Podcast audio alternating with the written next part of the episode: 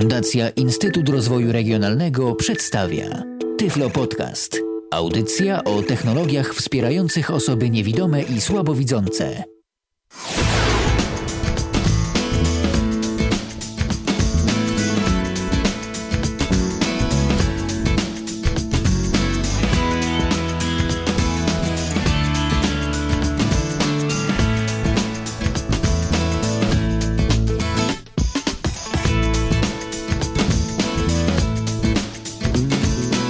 Radio N. Jesteśmy z wami jak zawsze na www.radio.nfm i www.radio.n.pl, a jak zawsze w poniedziałek po godzinie 19 rozpoczynamy audycję, która nazywa się Tyflo Podcast w Radiu N i która to audycja mówi o tym wszystkim, co istotne dla osób niewidomych i słabowidzących. Jak zawsze, mm, jak co tydzień poruszamy inny temat raz jesteśmy gdzieś wokół nowoczesnych technologii wspomagających, raz nieco bardziej poruszamy tematykę społeczną, a raz jeszcze zupełnie jakąś inną. E, tym razem dziś mówić będziemy jak najbardziej technologicznie i jak najbardziej informatycznie, bowiem dzisiejszym tematem Tyflo Podcastu na antenie Radia N, Tyflo Podcastu na żywo jest Linux. Cóż to takiego jest ten Linux, y, dla kogo on może być przydatny i po co w ogóle osobie niewidomej Linux. O tym będę rozmawiał z moim dzisiejszym gościem, jakim jest Tomek Kowalik. Witam cię serdecznie, Tomku. Witaj. No i tak na dobry początek może powiedz naszym słuchaczom, y, co w ogóle ciebie skłoniło do zainteresowania się Linuxem? Po co właściwie osobie niewidomej w ogóle taki Linux. Przecież jest Windows, jest. Y, przecież, y, przecież no, jest teraz tak się ostatnio głośno mówi o komputerach Apple, że to są dostępne komputery, no ale jednak jeszcze są ludzie, którzy chcą korzystać z tego Linuxa, no i okazuje się, że no, da się z tego systemu korzystać. Czemu? E, co mnie skłoniło? Mnie osobiście mi się wydaje, że też takie trochę zacięcie do tej informatyki jakieś takie no, eksperymentowanie z tym wszystkim i tak naprawdę taka ciekawość też, co to jest ten Linux, e, jak się go, jak można go obsłużyć, w ogóle jest to dostępne, można to po niewidomemu wszystko zrobić. No, dlatego właśnie chciałem, chciałem sam sprawdzić, jak, jak to jest, dlatego właśnie zacząłem jakoś yy, używać Linuxa. Najpierw konsolowego, potem graficznego, ale to inna, inna historia. Dokładnie. I o Linuxach, zarówno mm, o systemie Linux, y, o pracy z tym systemem w trybie graficznym, jak i tekstowym, oczywiście dziś porozmawiamy, ale powiedz mi, Tomku, tak się zastanawiam, bo ty jednak korzystasz y, z Windowsa, jednak y, używasz systemu Microsoftu. Czy to znaczy, że Linux w swoim obecnym stadium, te rozwiązania dostępnościowe jeszcze nie pozwalają na taką całkowitą przesiadkę?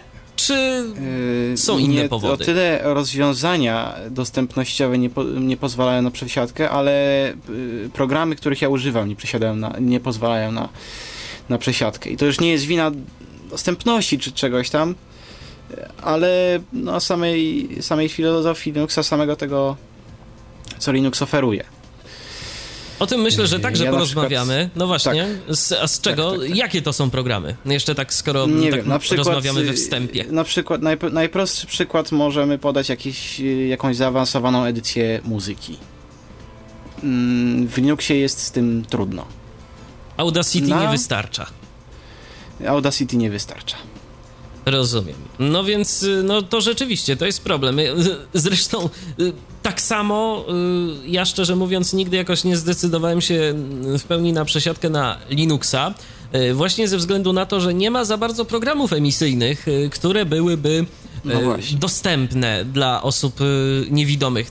Co prawda, no są jakieś tam narzędzia pokroju Rivendell i podobne, czy na przykład Airtime, którym ostatnio miałem okazję się bawić, ale Airtime to Airtime w ogóle to Airtime'em się szczerze mówiąc rozczarowałem kompletnie, bo po prostu no, jego interfejs okazał się niedostępny. To jest interfejs www.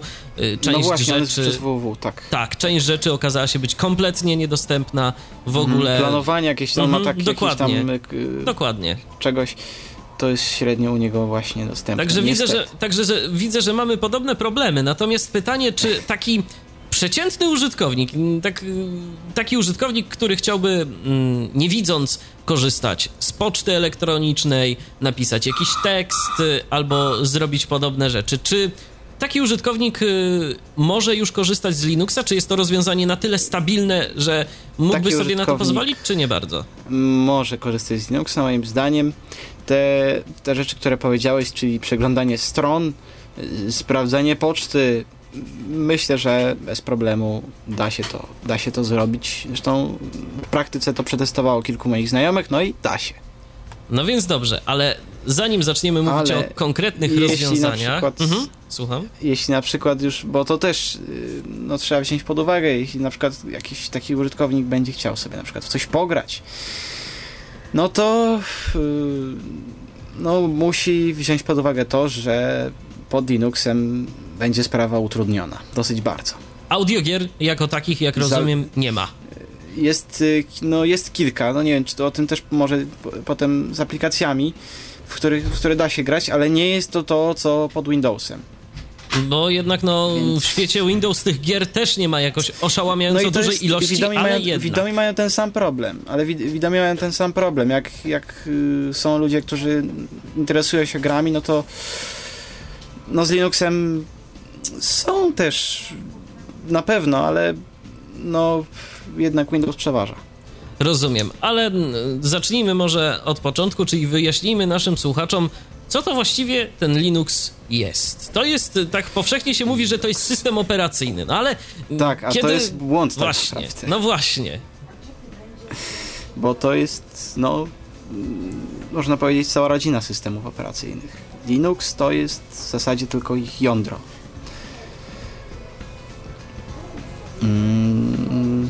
A w, rodzina to znaczy Linux ma jakby kilka, no chyba, nie wiem ile, set, nie przesadzę jak powiem set, wariantów, które się nazywają dystrybucjami. I te dystrybucje e, różnią się wyglądem, mogą się różnić e, podejściem, bo na przykład są dystrybucje przystosowane do, no do, do niewidomych chociażby y, specjalne dystrybucje Linux, albo mm, dystrybucje jakoś tam zrobione na przykład pod y, tych ludzi, którzy chcą tworzyć muzykę, bo też takie coś jest, niestety średnio dla nas dostępne są programy w tamtych dystrybucjach. No i generalnie tych dystrybucji jest trochę. I każda taka dystrybucja ma wspólną jedną część, czyli to jądro które no czasami jest tak, czasami jest modyfikowane, ale generalnie tak, bazuje na, na tym jądrze. I czy każda taka dystrybucja może być y, obsłużona przez osobę niewidomą, czy to nie do końca tak jest? Yy, w zasadzie tak, tylko będzie różny stopień męczenia się z tymi dystrybucjami.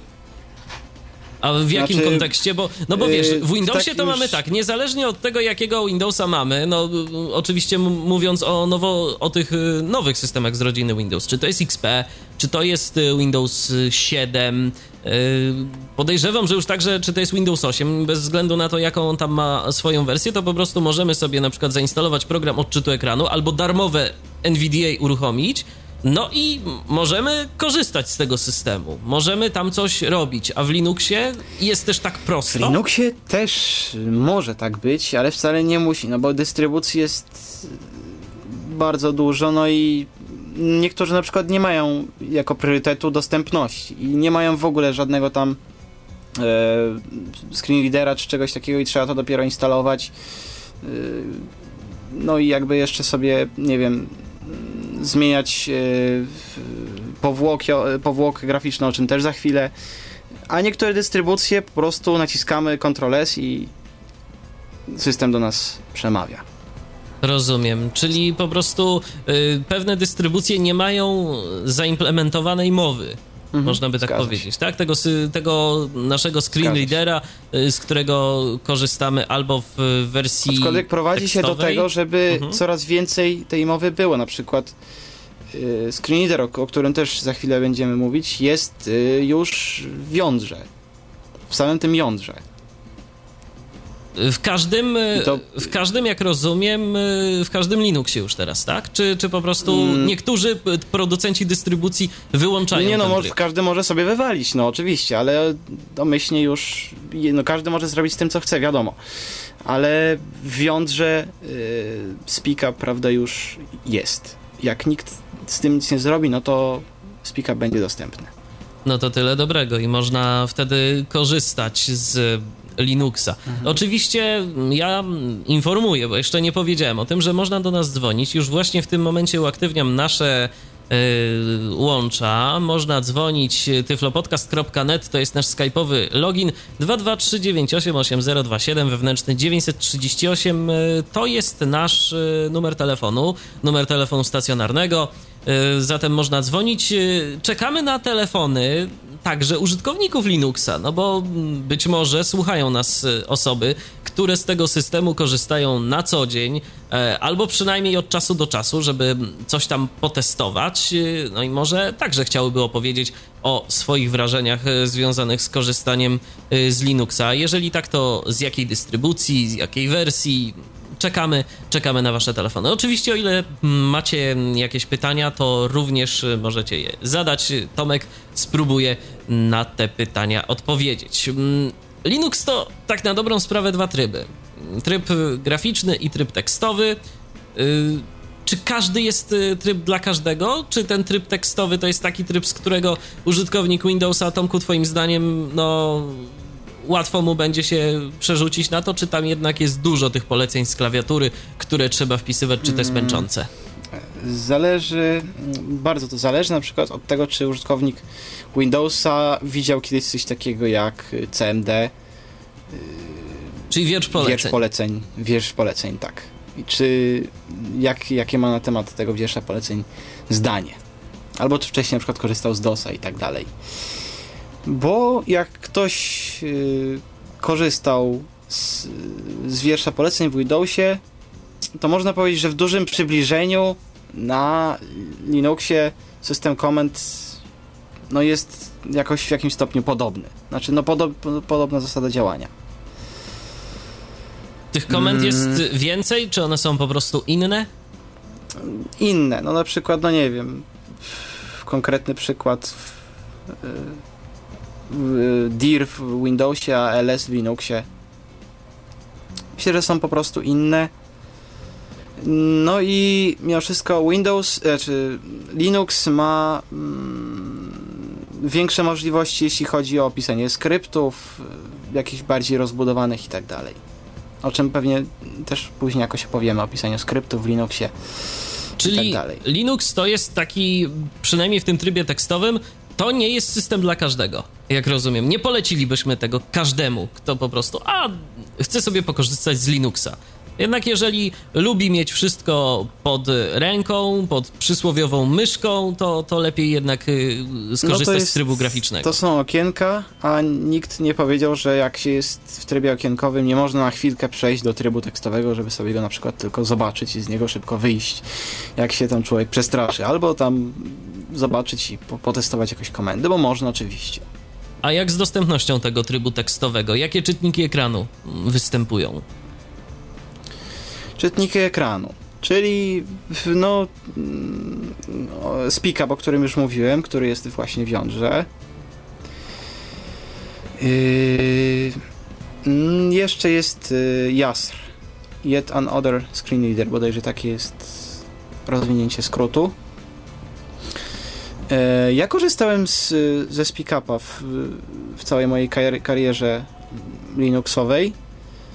No i co mogę powiedzieć? Screenreader mm, z bardzo dobrym, z bardzo dobrą dokumentacją, y, wsparcie ma dosyć też dobre, mm, ma bezpośredni interfejs do SPIKA, o czym też za chwilę będziemy o syntezatorach mówić w ogóle, jakie są dostępne na Linuxa. No ale myślę, że SPIKA jest w tej chwili najrozsądniejszym wyborem, jeśli chodzi o, e, o screen konsolowego. Rozumiem. Y, a y, ten y, screen reader Jazr, on w ogóle jest jeszcze jakoś rozwijany, bo ja też już o tym hmm. jakiś czas temu słyszałem, ale... Ja właśnie też, dokładnie, da, dawno temu słyszałem nie wiem czy nie, nie porzucili już projektu, a natomiast SpeakUp jest. Rozumiem. E, a teraz, tak kontynuując kwestię dostępności tego trybu tekstowego, no to jak to wygląda, jeżeli chodzi o syntezę? Co my tam, z czego możemy skorzystać? Z polskich syntez na pewno i Speak i na pewno Festiwal. Czyli ten syntezator Mbrolla, tak? Tak zwany. Tak, tak, tak, tak, tak, tak. Natomiast ja tego jakoś dłużej nie testowałem, dlatego że festiwale średnio jakoś tam lubię. Natomiast z Speakiem działa to to bardzo dobrze. A co z syntezą i... sprzętową? A no właśnie, no i cała w zasadzie gama tych syntez sprzętowych, które obsługuje yy, które obsługuje SpeakUp. Apollo na przykład. Ale SMP, jak rozumiem, nie obsługuje SpeakUp. Mm, nie, nie wiem jak to jest na przykład, bo ludzie kombinują yy, z, na przykład SMP na tagach Apollo. Ja nie wiem jak to się sprawdza, bo nie miałem SMP nigdy. Więc nie wiem, czy jest jakieś obejście na to. Na przykład, jakby ktoś wiedział, no to może się podzielić z nami tą informacją, bo też bym był ciekaw. Yy, czy jest jakieś obejście właśnie na, na SMP, żeby SMP zaczął mówić?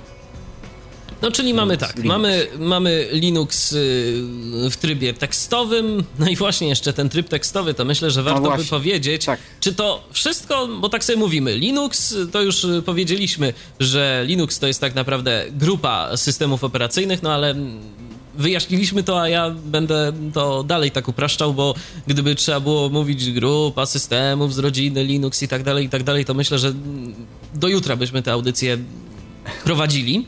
W każdym razie y, z powłokami tekstowymi, z trybami tekstowymi to jest chyba troszeczkę podobnie, prawda? Czy to, czy to jest tak, że to no jest jeden tryb tekstowy, tak jak mamy y, w systemie Windows, mamy ten CMD i odpalamy sobie znaczy, i korzystamy. Nie, właśnie nie, bo sama nazwa powłoka mówi nam, że to jest powłoka i ona coś tam ukrywa pod sobą.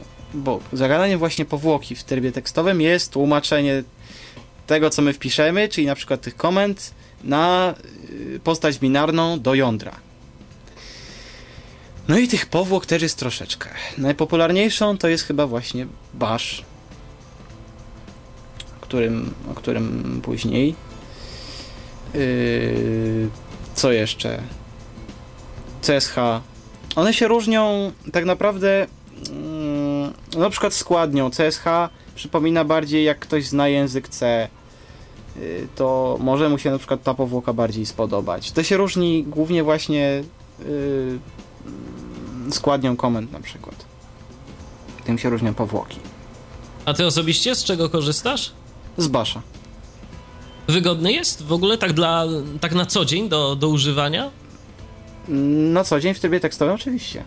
A jak to jest właśnie w tym trybie tekstowym, bo wspomniałeś, że można mm, wydawać komendy, ale także jeszcze w, tak jak w Windowsie, a właściwie tak. no, w DOSie pisało się pliki BAT, zresztą dalej w Windowsie można je pisać z wykorzystaniem właśnie różnych komend yy, z wiersza poleceń, to w Linuxie no, to jest chyba jeszcze bardziej zaawansowane, prawda? Jest jeszcze bardziej zaawansowane, dokładnie, tak, tak, tak.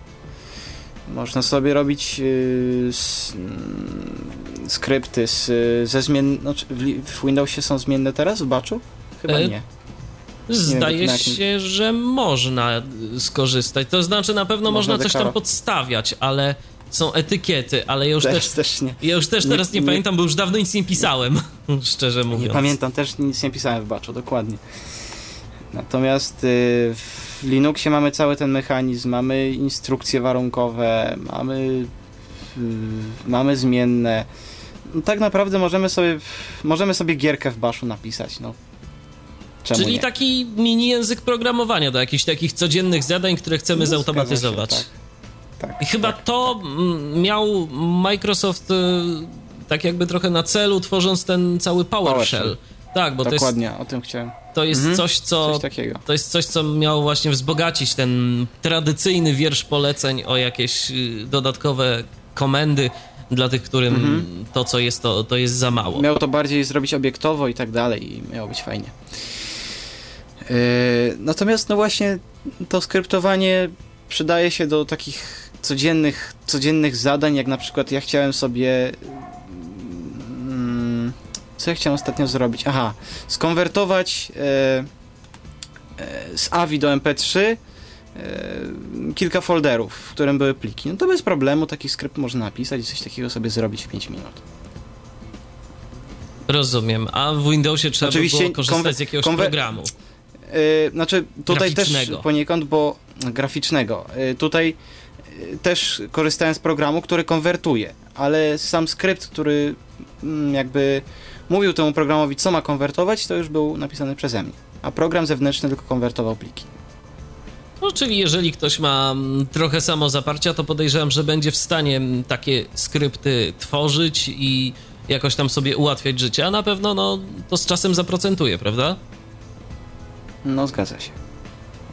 Wspomnieliśmy o powłokach, o tym, czym one są, jak działają. Ale czy tak naprawdę praca w Linuxie to jest tylko pisanie jakichś skryptów w trybie tekstowym, hmm. zarządzanie tym? No właśnie, bo tak. Bo tak, tak to... trochę, bo tak trochę na to wychodzi. Że w zasadzie ta powłoka tekstowa to jest no jakieś tam komendy, możemy sobie wpisywać, no ale co poza tym? Chyba niewiele. Czy wiele? Mm, właśnie niekoniecznie, dlatego że mamy Y, dosyć na przykład dużo, nie wiem, jakichś edytorów tekstowych. Zależy, chcemy, zależy co chcemy robić. Komunikator. Mamy jeden, który, który, który testowałem. No to nie, właśnie bo... może opowiedzmy o tych y, konkretnych y, zastosowaniach trybu tekstowego. No może zacznijmy na przykład od poczty. Powiedzmy poczta mm. elektroniczna, mam sobie skrzynkę mailową. Mm, fajny jest ten tryb tekstowy, więc sobie pomyślałem, że może fajnie by było także używać poczty w trybie tekstowym. Co byś polecił? Ja bym jeszcze e, powiedział, mm, zanim przejdziemy do tej poczty, o tym, że w, w trybie tekstowym niekoniecznie trzeba pisać komendy.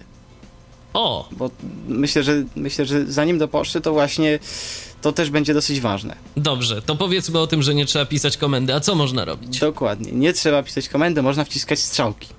O, to już zaczyna mi się podobać.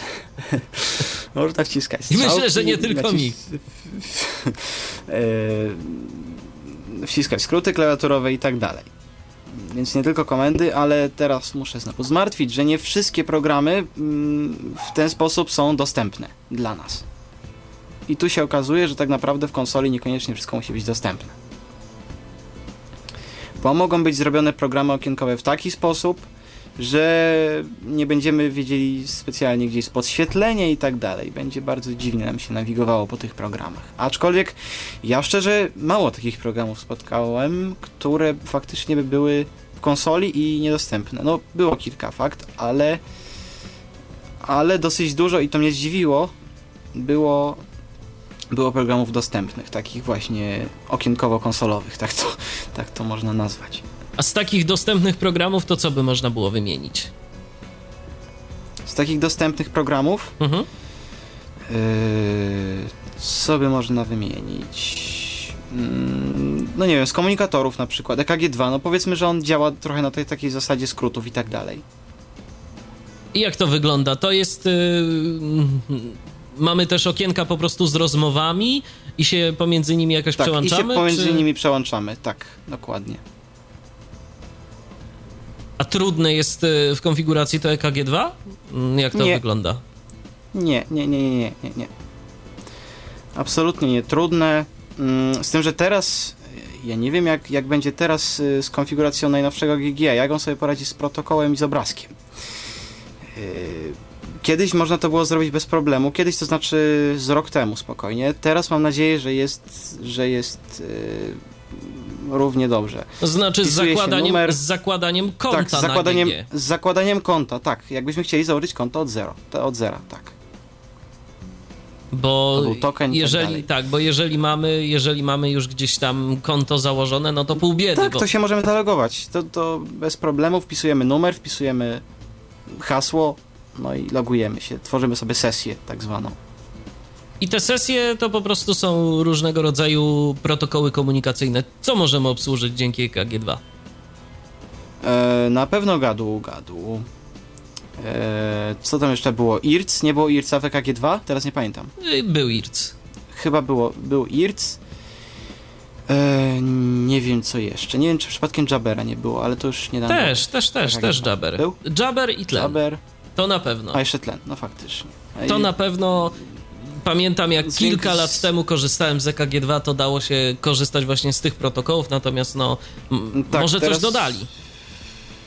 Hmm, trudno stwierdzić, no trzeba po prostu obejrzeć. Ja korzystałem z gadu-gadu, no i e, dało się korzystać nawet, nawet wygodnie. Można było czytać wiadomo. Nie wiem, czy, czy ty, yy, Michale, jak korzystałeś, miałeś ten sam problem co ja. Znaczy to, to właśnie, to jeszcze w ogóle. Mm, z polskimi znakami. E, Ja pamiętam, że miałem w pewnym momencie jakiś problem, ale tam wystarczyło to wszystko poprzestawiać e, na Unicode. Yy, problem jest w ogóle tego typu, że mm, i sp- SpeakUp mm, z Speakiem ma problem z polskimi znakami.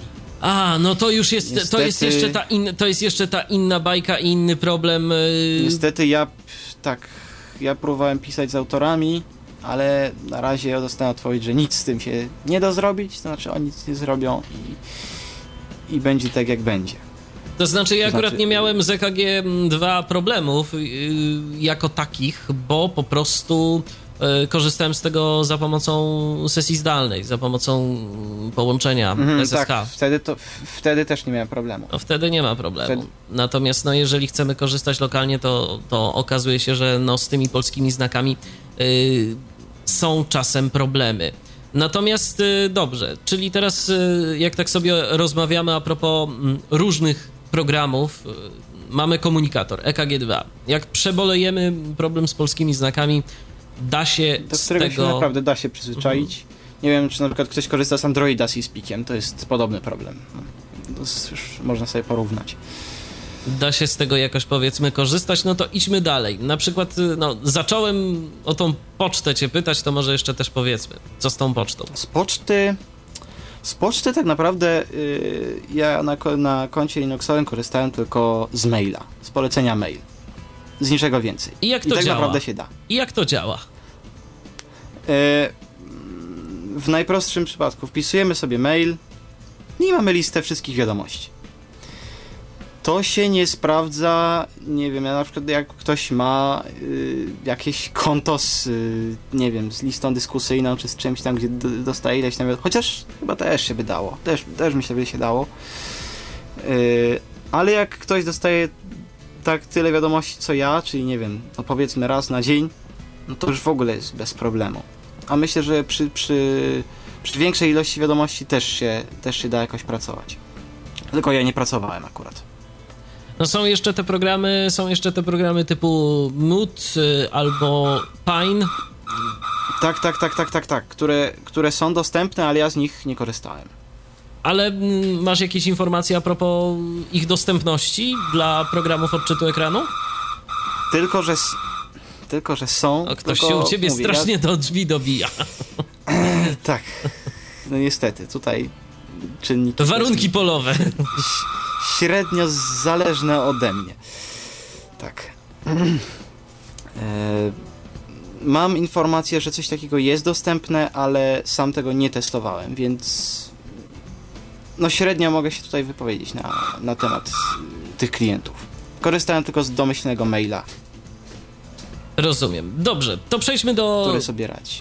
przejdźmy do kolejnych, y, do kolejnej gałęzi programu, do kolejnej gałęzi programów, edytory tekstu. No to jest coś, co myślę, że no jest jedną z podstawowych rzeczy, y, które użytkownik Linuxa mógłby chcieć y, robić, czyli na przykład no, napisać powiedzmy jakiś dokument. No i co byś polecił z edytorów? Co jest dostępne? Poleci, poleciłbym yy, i co jest na pewno dostępne, Nano. Na, na dobry początek. Niektórym to naprawdę wystarczy. A ten, nan, nano. ten nano to do czego tak w Windowsie można by go porównać? Do notatnika, czy to jest nieco bardziej zaawansowane? Mm, chyba do notatnika. Tak, do notatnika myślę, że, że można by było to porównać. Rozumiem. No więc y, co jeszcze? Co jeszcze z Więc- takich, co jeszcze z takich edytorów? Y, ja pamiętam, kiedy jakoś tak intensywniej się, właśnie, kiedy intens intensywniej się zajmowałem gdzieś tam powiedzmy Linuxem, no to pamiętam, że właśnie VI czy VI, jak niektórzy mówią, to ja z tego no tak. korzystałem. Albo na przykład y, ym, Ima- Emacs. Ym, korzystałeś z któregoś z tych edytorów? E, W zasadzie tylko trochę mm, patrzyłem e, VI, dlatego że nie miałem specjalnej jakoś potrzeby się w niego zagłębiać. Na- Nano mi w zupełności wystarczyło. Ale wiem, że, no ja może jak ty korzystałeś, to też możesz coś powiedzieć o dziwnych strasznie komendach i skrótach w. E, oj tak, to o tym mogę powiedzieć, bo ja korzystałem swego czasu właśnie, chociaż ja wiem, że między użytkownikami e, VI-a i Emaxa to jest taka trochę święta wojna. To jak kiedyś była wojna między użytkownikami e, między użytkownikami Commodora i, e, Tak. i, i, i Atari. E, Atari. Tak to wyglądało. A Mhm. t- między użytkownikami VI i, i Maxa to jest też tak e, troszeczkę, że oni się tam kłócą, który edytor jest lepszy. Ja powiem tyle. E, Jeżeli miałbym wybierać, to wybrałbym VI-a, bo kiedy wszedłem do IMAXa, to się w ogóle zgubiłem. W ogóle. E, Tak, a w. VI-u no to menu, no było jakieś tam, ale komendy były bardzo ciekawe. Mogę powiedzieć y, taką jedną komendę, na przykład jeżeli chcemy wyjść z tego VI-a w ogóle i nie zapisywać zmian, no to posługujemy się bardzo intui- intuicyjną komendą, e, która wygląda w sposób następujący. Escape, dwukropek, e, Q, wykrzyknik, Enter. No, to Jak jest... intuicyjne. To znaczy, wiesz, no tak naprawdę podejrzewam, że jest to jakoś tam intuicyjna komenda, tylko dla kogoś, kto już z tego korzysta dłużej. No, zgadza się, ale tak dla porównania w, w Nano Control X. Aha, troszkę prościej. Troszeczkę, ale jednak. Troszeczkę prościej. Yy, Z Emaxa wychodziłem przez Ctrl-C, czyli przez taką standardową komendę, która po prostu... Taką taką trochę brutalną. Zakończ proces i, i tyle. Takie kontrol pauza, tak w Windowsie? Chyba tak. Bardziej mi się wydaje, że na zasadzie zakończ proces tak trochę. No może, bo kontrol, kontrol pauza to break. Chociaż. No w sumie tak. Yy, no to tyle powiedzmy na, na temat edytorów konsolowych. Dokładnie. Coś jeszcze z jakichś takich programów wartych uwagi pod konsolą? Programów to już zależy potem na przykład od, yy, od zainteresowań. Yy, no nie wiem, na przykład ja trochę krótkofalarstwo, więc programy są, jak ktoś się interesuje, na przykład do, no, nie wiem, nauki telegrafii, no to, to też coś możemy znaleźć dla siebie w konsoli jest. I jak to działa? Na przykład taki program do nauki telegrafii pod konsolą. Co on, w jaki sposób on, on uczy? Mm, Jest kilka, kilka trybów. y, Na przykład jest tryb, w którym głośniczkiem speakerowym y, odgrywa nam jakąś tam literę w morsie. Naciskamy y, klawisz y, tą literę, którą od- odegrał, tą literę, którą odegrał i następna, następna, następna, tak, tak do zakończenia lekcji. Chodzi o to, żeby po prostu odpo- odpowiadać komputerowi, jakie litery on do nas wygłosił tym speakerem. A z jakichś takich jeszcze ciekawych programów, które gdzieś tam może widziałeś, y, jeżeli chodzi o tryb Konsolowy tekstowy? klient Facebooka O, i jak to działa? jest. Yy, no tutaj akurat nie wiem, albo ja czegoś nie nie dopatrzyłem, albo on jest tak yy, trochę średnio wygodny, dlatego że tutaj faktycznie trzeba dużo pisać. Okej, w konsoli trzeba pisać, ale tu trzeba dużo pisać. I to tak. Yy, no właśnie średnio. Nie wiem, tak mi się wydaje, że średnio wygodne z tym pisaniem. Na przykład. Yy, tam nie wiem. Yy, co jakiś czas trzeba było podawać yy, ID użytkowni, ID jakieś wygenerowane przez Facebooka i coś takiego. Jakieś takie cuda na kiju. No dziwnie się z tego korzystało, ale yy, pamiętam, że yy, wysłałem. mm, jak to się nazywa? Na Wiadomość? tablicę. Powiadomienie. Aha, nie, powiadomość na tablicę. Aha. Wysłałem, więc się da, tylko no mi się akurat z tego średnio wygodnie korzystało. Ale jest, żeby nie było można korzystać. No to jeszcze powiedzmy może co nieco na temat y, tego, co się robi w trybie tekstowym dosyć często i z czym się ten tryb przede wszystkim kojarzy, czyli może powiedzmy jeszcze Tomku kilka słów na temat komend trybu tekstowego. Takie najbardziej przydatne, jeżeli ktoś chciałby zacząć i w ogóle w jakiś sposób odnaleźć się w gąszczu tych poleceń Linuxa. Jakie to mogą być komendy? Co warto znać? No to co warto znać? CD od y, jak ktoś korzystał z wiersza poleceń, no to będzie wiedział o co chodzi. Change Directory, takie jest bodajże rozwinięcie. Chodzi o zmianę katalogu. Poruszenie się w strukturze katalogów.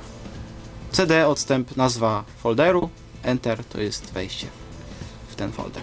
W ogóle powiedzmy przy okazji, że mm, troszeczkę Linux ma inną strukturę katalogów niż tak. Windows, a nawet bardzo, prawda? Tak, tak, tak. No i do niej się przyzwy trzeba przyzwyczaić, prawda? Home, katalog domowy i tak dalej. Mm. To jest właśnie struktura katalogów.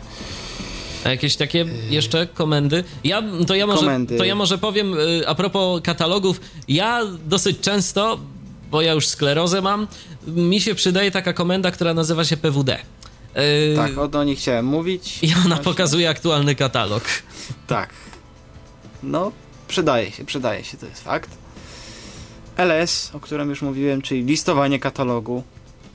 Oczywiście możemy y, robić y, tego typu na przykład komendy typu y, ls odstęp gwiazdka kropka coś tam. I co to wtedy nam da? Gwiazdka.mp3. To samo co w Windowsie. Y, wyświetlenie na przykład wszystkich plików z rozszerzeniem mp3. Mm, z jakichś takich jeszcze, z jakichś takich jeszcze Co komend? Jeszcze? Albo komend, albo narzędzi, bo to nie tylko są komendy, ale to są też narzędzia. LS to tak de facto też narzędzie, to jest program. Mhm. yy, co jeszcze? Mm. E, MV do przenoszenia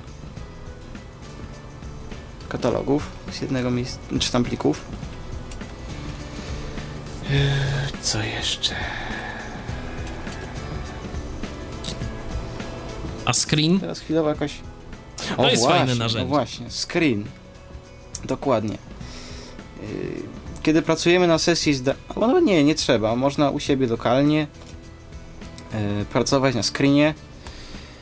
Mm, screen to jest tak naprawdę program, który uruchamiamy zewnętrzny w Linuxie i możemy mieć kilka okien. Znaczy on domyśl właśnie umożliwia otwarcie kilku okien. Kiedy na przykład Y, chcemy sobie na przykład od, odpalić EKG i zostawić go otwartym.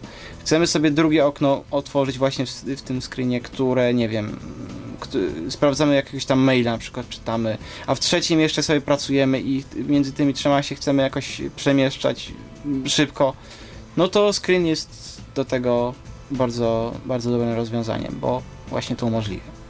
I jak wtedy się przełączać? W Windowsie mamy Alt-Tab, a tam? W Linuxie? Control, Control A spacja. To jest okno do przodu. Yy, a do tyłu? Do tyłu? Nie pamiętam. Control. AB? Albo AP? Kon, control. No patrz, Control AP. Control AP. Ja szczerze mówiąc też nigdy tego nie pamiętam i zawsze korzystałem z Control A spacja. Bo to jakoś Jasz, tak, no, dokładnie. Jakoś tak prosto. To, robiłeś, jakoś tak prosto. Robiłeś dokładnie to samo co ja. Robiłeś dokładnie to samo co ja. I to jest, y, proszę Państwa, taki wyraźny dowód na to, że w Linuxie nie trzeba się wcale aż tak mocno tych y, komend uczyć. No dokładnie, bo, bo ja jeżeli, też. No, no, właśnie, bo jeżeli trzeba, jeżeli mamy taką potrzebę, no to znajdziemy jakąś tą komendę. To, to nie jest tak, że po prostu trzeba to znać, trzeba być ekspertem od. Yy, linii poleceń, znać wszystkie komendy od A do Z. No oczywiście, Nie, jeżeli jest, z tego korzystamy długo. no. Zapomnieliśmy o manie. No właśnie. A co to jest man? Ja to już, już by nas jakiś y, bardziej obeznany z Linuxem człowiek zabił. No to co to, to jest, jest ten właśnie man? narzędzie, dzięki któremu się możemy dowiedzieć na przykład jak działa jakaś komenda. Wpisujemy sobie man, odstęp, komenda, enter. I dostajemy I mamy... bardzo dużo różnych informacji, dużo poleceń, przełączników, y, parametrów zazwyczaj, bo to komenda, no w większości przynajmniej, no nie jest tylko sama komenda, ale jeszcze po myślniku nie, albo po slashu. Tak, to są opcje, opcje, parametry i tak dalej. To jest wszystko w manie opisane. To jest taki, no taki manual Podręcznik po prostu, podręcznik Podręcz, do, do wszystkich komend Linuxa. Także jeżeli czegoś nie wiecie, no to wystarczy sięgnąć po to, a... W Manie jest wszystko. Dokładnie. A tak naprawdę, jeżeli, jeżeli będziecie z tego korzystać na co dzień, no to, to zapamiętacie, będziecie pamiętać te komendy. Ja powiem tak, ja z Linuxa nie korzystam już tak y, aktywnie od jakiegoś czasu, i też nie pamiętam wszystkiego, ale kiedy z tego korzystałem nieco więcej, no to nie było dla mnie problemem tam, czy, czy, czy napisanie jakiegoś prostego skryptu w baszu, czy zrobienie tam jakichś e, różnych e, operacji w tym systemie. To jest wszystko wtedy, kiedy się z tego korzysta i kiedy poświęci się trochę na lekturę jakiejś tam literatury związanej z e, danym zagadnieniem, no to, no to wszystko, wszystko gdzieś tam nam się zapamiętuje. No a że nasz mózg ma tak. to do siebie, że to, czego nie używamy, to gdzieś tam sobie usuwa do tyłu, no to po prostu wtedy już niestety nie będziemy w stanie tego aż tak y, szybko jeszcze, sobie jeszcze przypomnieć. nie wiem czemu na przykład zapomnieliśmy o kasowaniu tych, tych katalogów, po których chodziliśmy, czyli RM, RMDIR też są. Jest taka jedna fajna jest taka jedna fajna jest taka jedna fajna komenda, e, której lepiej nie e, której lepiej pochopnie nie wpisywać, bo właśnie myślę, że to jest jeszcze też ważne. Yy, o czym trzeba jeszcze, powiedzieć. Jeszcze mi się coś przypomniało. No, no to, to, to, dobrze, ale to, to, to, ja no. powiem, to ja powiem o tym. Dobra. Yy, komenda RM do kasowania yy, z parametrami RF. RM spacja RF. No. Oj. Oj. Fajna komenda. Yy, tylko, tylko. Tylko z zastrzeżeniem nie próbujcie tego w domu. Tak.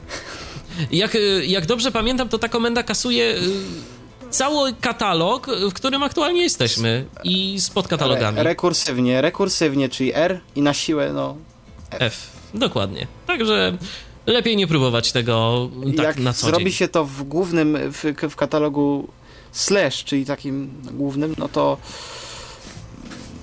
no to można się spodziewać bardzo interesujących rezultatów. Próbowałeś kiedyś? Bo ja nie, szczerze mówiąc. Tak. I co się działo? Zamilkł, po prostu. Aha. Robiłem to na, na wirtualnej maszynie, po prostu zamilkł. Wydałem komendę, cisza. Okej, okay, no zaczął Ciekawe, działać. Nie wiem, co było widać na ekranie. Zaczął działać. W każdym razie właśnie, i to jest też myślę, że ważne, o czym trzeba pamiętać, taka komenda e, właśnie RM, ona nie pyta. Czy, tak. czy chcesz usunąć? W Windowsie jesteśmy przyzwyczajeni do tego, że jak naciśniemy sobie tam nawet ten delete albo shift i delete, no to system nas zapyta, czy jesteś absolutnie pewien, że chcesz usunąć ten katalog i całą jego zawartość? No, Linux nie zapyta. Linux po prostu twierdzi, że ma Ty do czynienia z użytkownikiem świadomym. Tak. I on po prostu, i on to zrobi. Przy, przy wpisywaniu takich masek typu, no właśnie gwiazdka, kropka, coś tam, trzeba też, no, trzeba uważać z tym RM-em, bo się można, prawda, zdziwić. Dokładnie. Gwiazdka poszło. Wszystko. E, a jeszcze mówiłeś, że coś ci się przypomniało, to, to słucham. Uzupełnianie w baszu. O właśnie. Które też sprawę ułatwia. A jak to działa? E, jak mamy jakąś wybitnie długą komendę, to po prostu naciskamy tab i bash daje nam propozycję jej uzupełnienia. Mm, nazwa jakiegoś katalogu też. Też to działa mamy jakiś, właśnie, to jest dosyć ważne, mamy jakiś długi katalog z jakimś 01 podkreśnik, 0 coś tam, coś tam, jakiś nie do zapamiętania kombinacje, no to tab tutaj się bardzo przydaje, no bo to jest właśnie auto uzupełnianie w baszu. Zresztą y, tak samo na przykład pamiętam y, działało w takim kliencie IRCA, to jeszcze tak a propos, z IRCA to już chyba coraz mniej osób korzysta, ale ja jeszcze pamiętam. No ja z IRC, e, który zresztą wygląd miał bardzo podobny do EKG2. Nie wiem, czy się ze mną zgodzisz. E, no, tak. I komendy nawet miał podobne. Tak. Mhm. Także jeżeli ktoś y, korzystał z jednego, to bezproblemowo mógł korzystać To z drugiego. przesiądzie się, tak. Tak, Tak. ale tam było właśnie też uzupełnianie, tam, tam było też właśnie to podpowiadanie, na przykład jeżeli wpisywało się jakiegoś nika, bo na Ircu kiedyś było tak, że e, trzeba było, to znaczy trzeba było, w dobrym tonie e, było, żeby jeżeli się zwracamy do kogoś, to po prostu wpisać jego nick. No można było oczywiście, oczywiście zrobić to z klawiatury, ale po co? Wystarczyło wpisać powiedzmy dwie pierwsze litery, nacisnąć tab, no i już. Tab.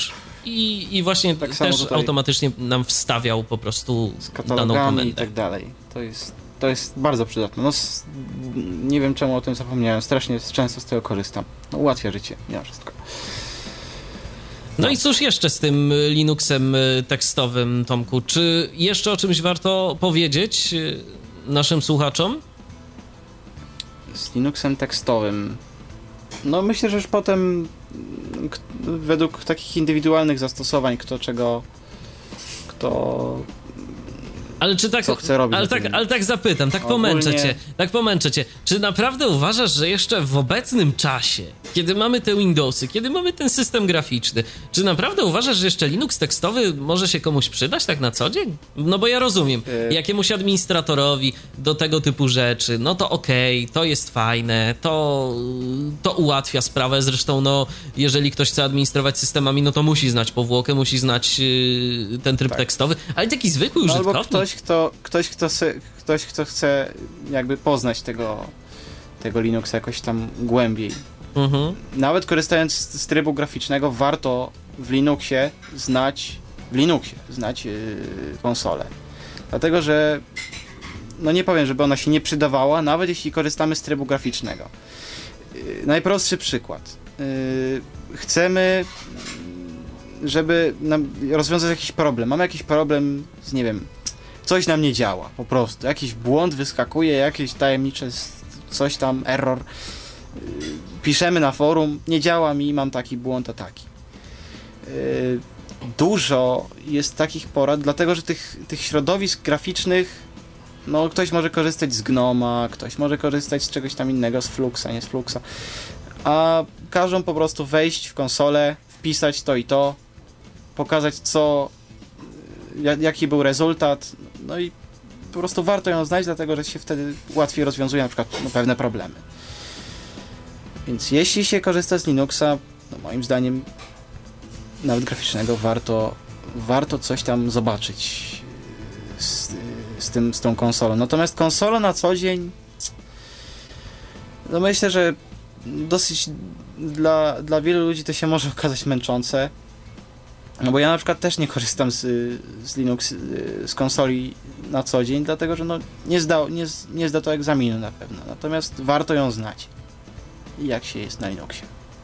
Wiesz, ja tak sobie myślę, że y, to też jest kwestia przyzwyczajenia. Ja pamiętam jakiś czas temu y, wysyłałem maila do jakiegoś, no już takiego starszego człowieka, jakiegoś tam pana profesora chyba z Uniwersytetu Warszawskiego, czy, czy, czy, czy, jakiegoś tam y, innej takiej uczelni. No i dostaję maila zwrotnego, tak widzę, że troszeczkę ten mail wygląda dziwnie, znaczy tak niestandardowo, nie po outlookowemu, ani nie po, po, w żadny inny sposób nie, nie wygląda ta wrotka tak zwana, czyli ten nagłówek maila, e, który był e, właśnie, mm, który tam się pojawił.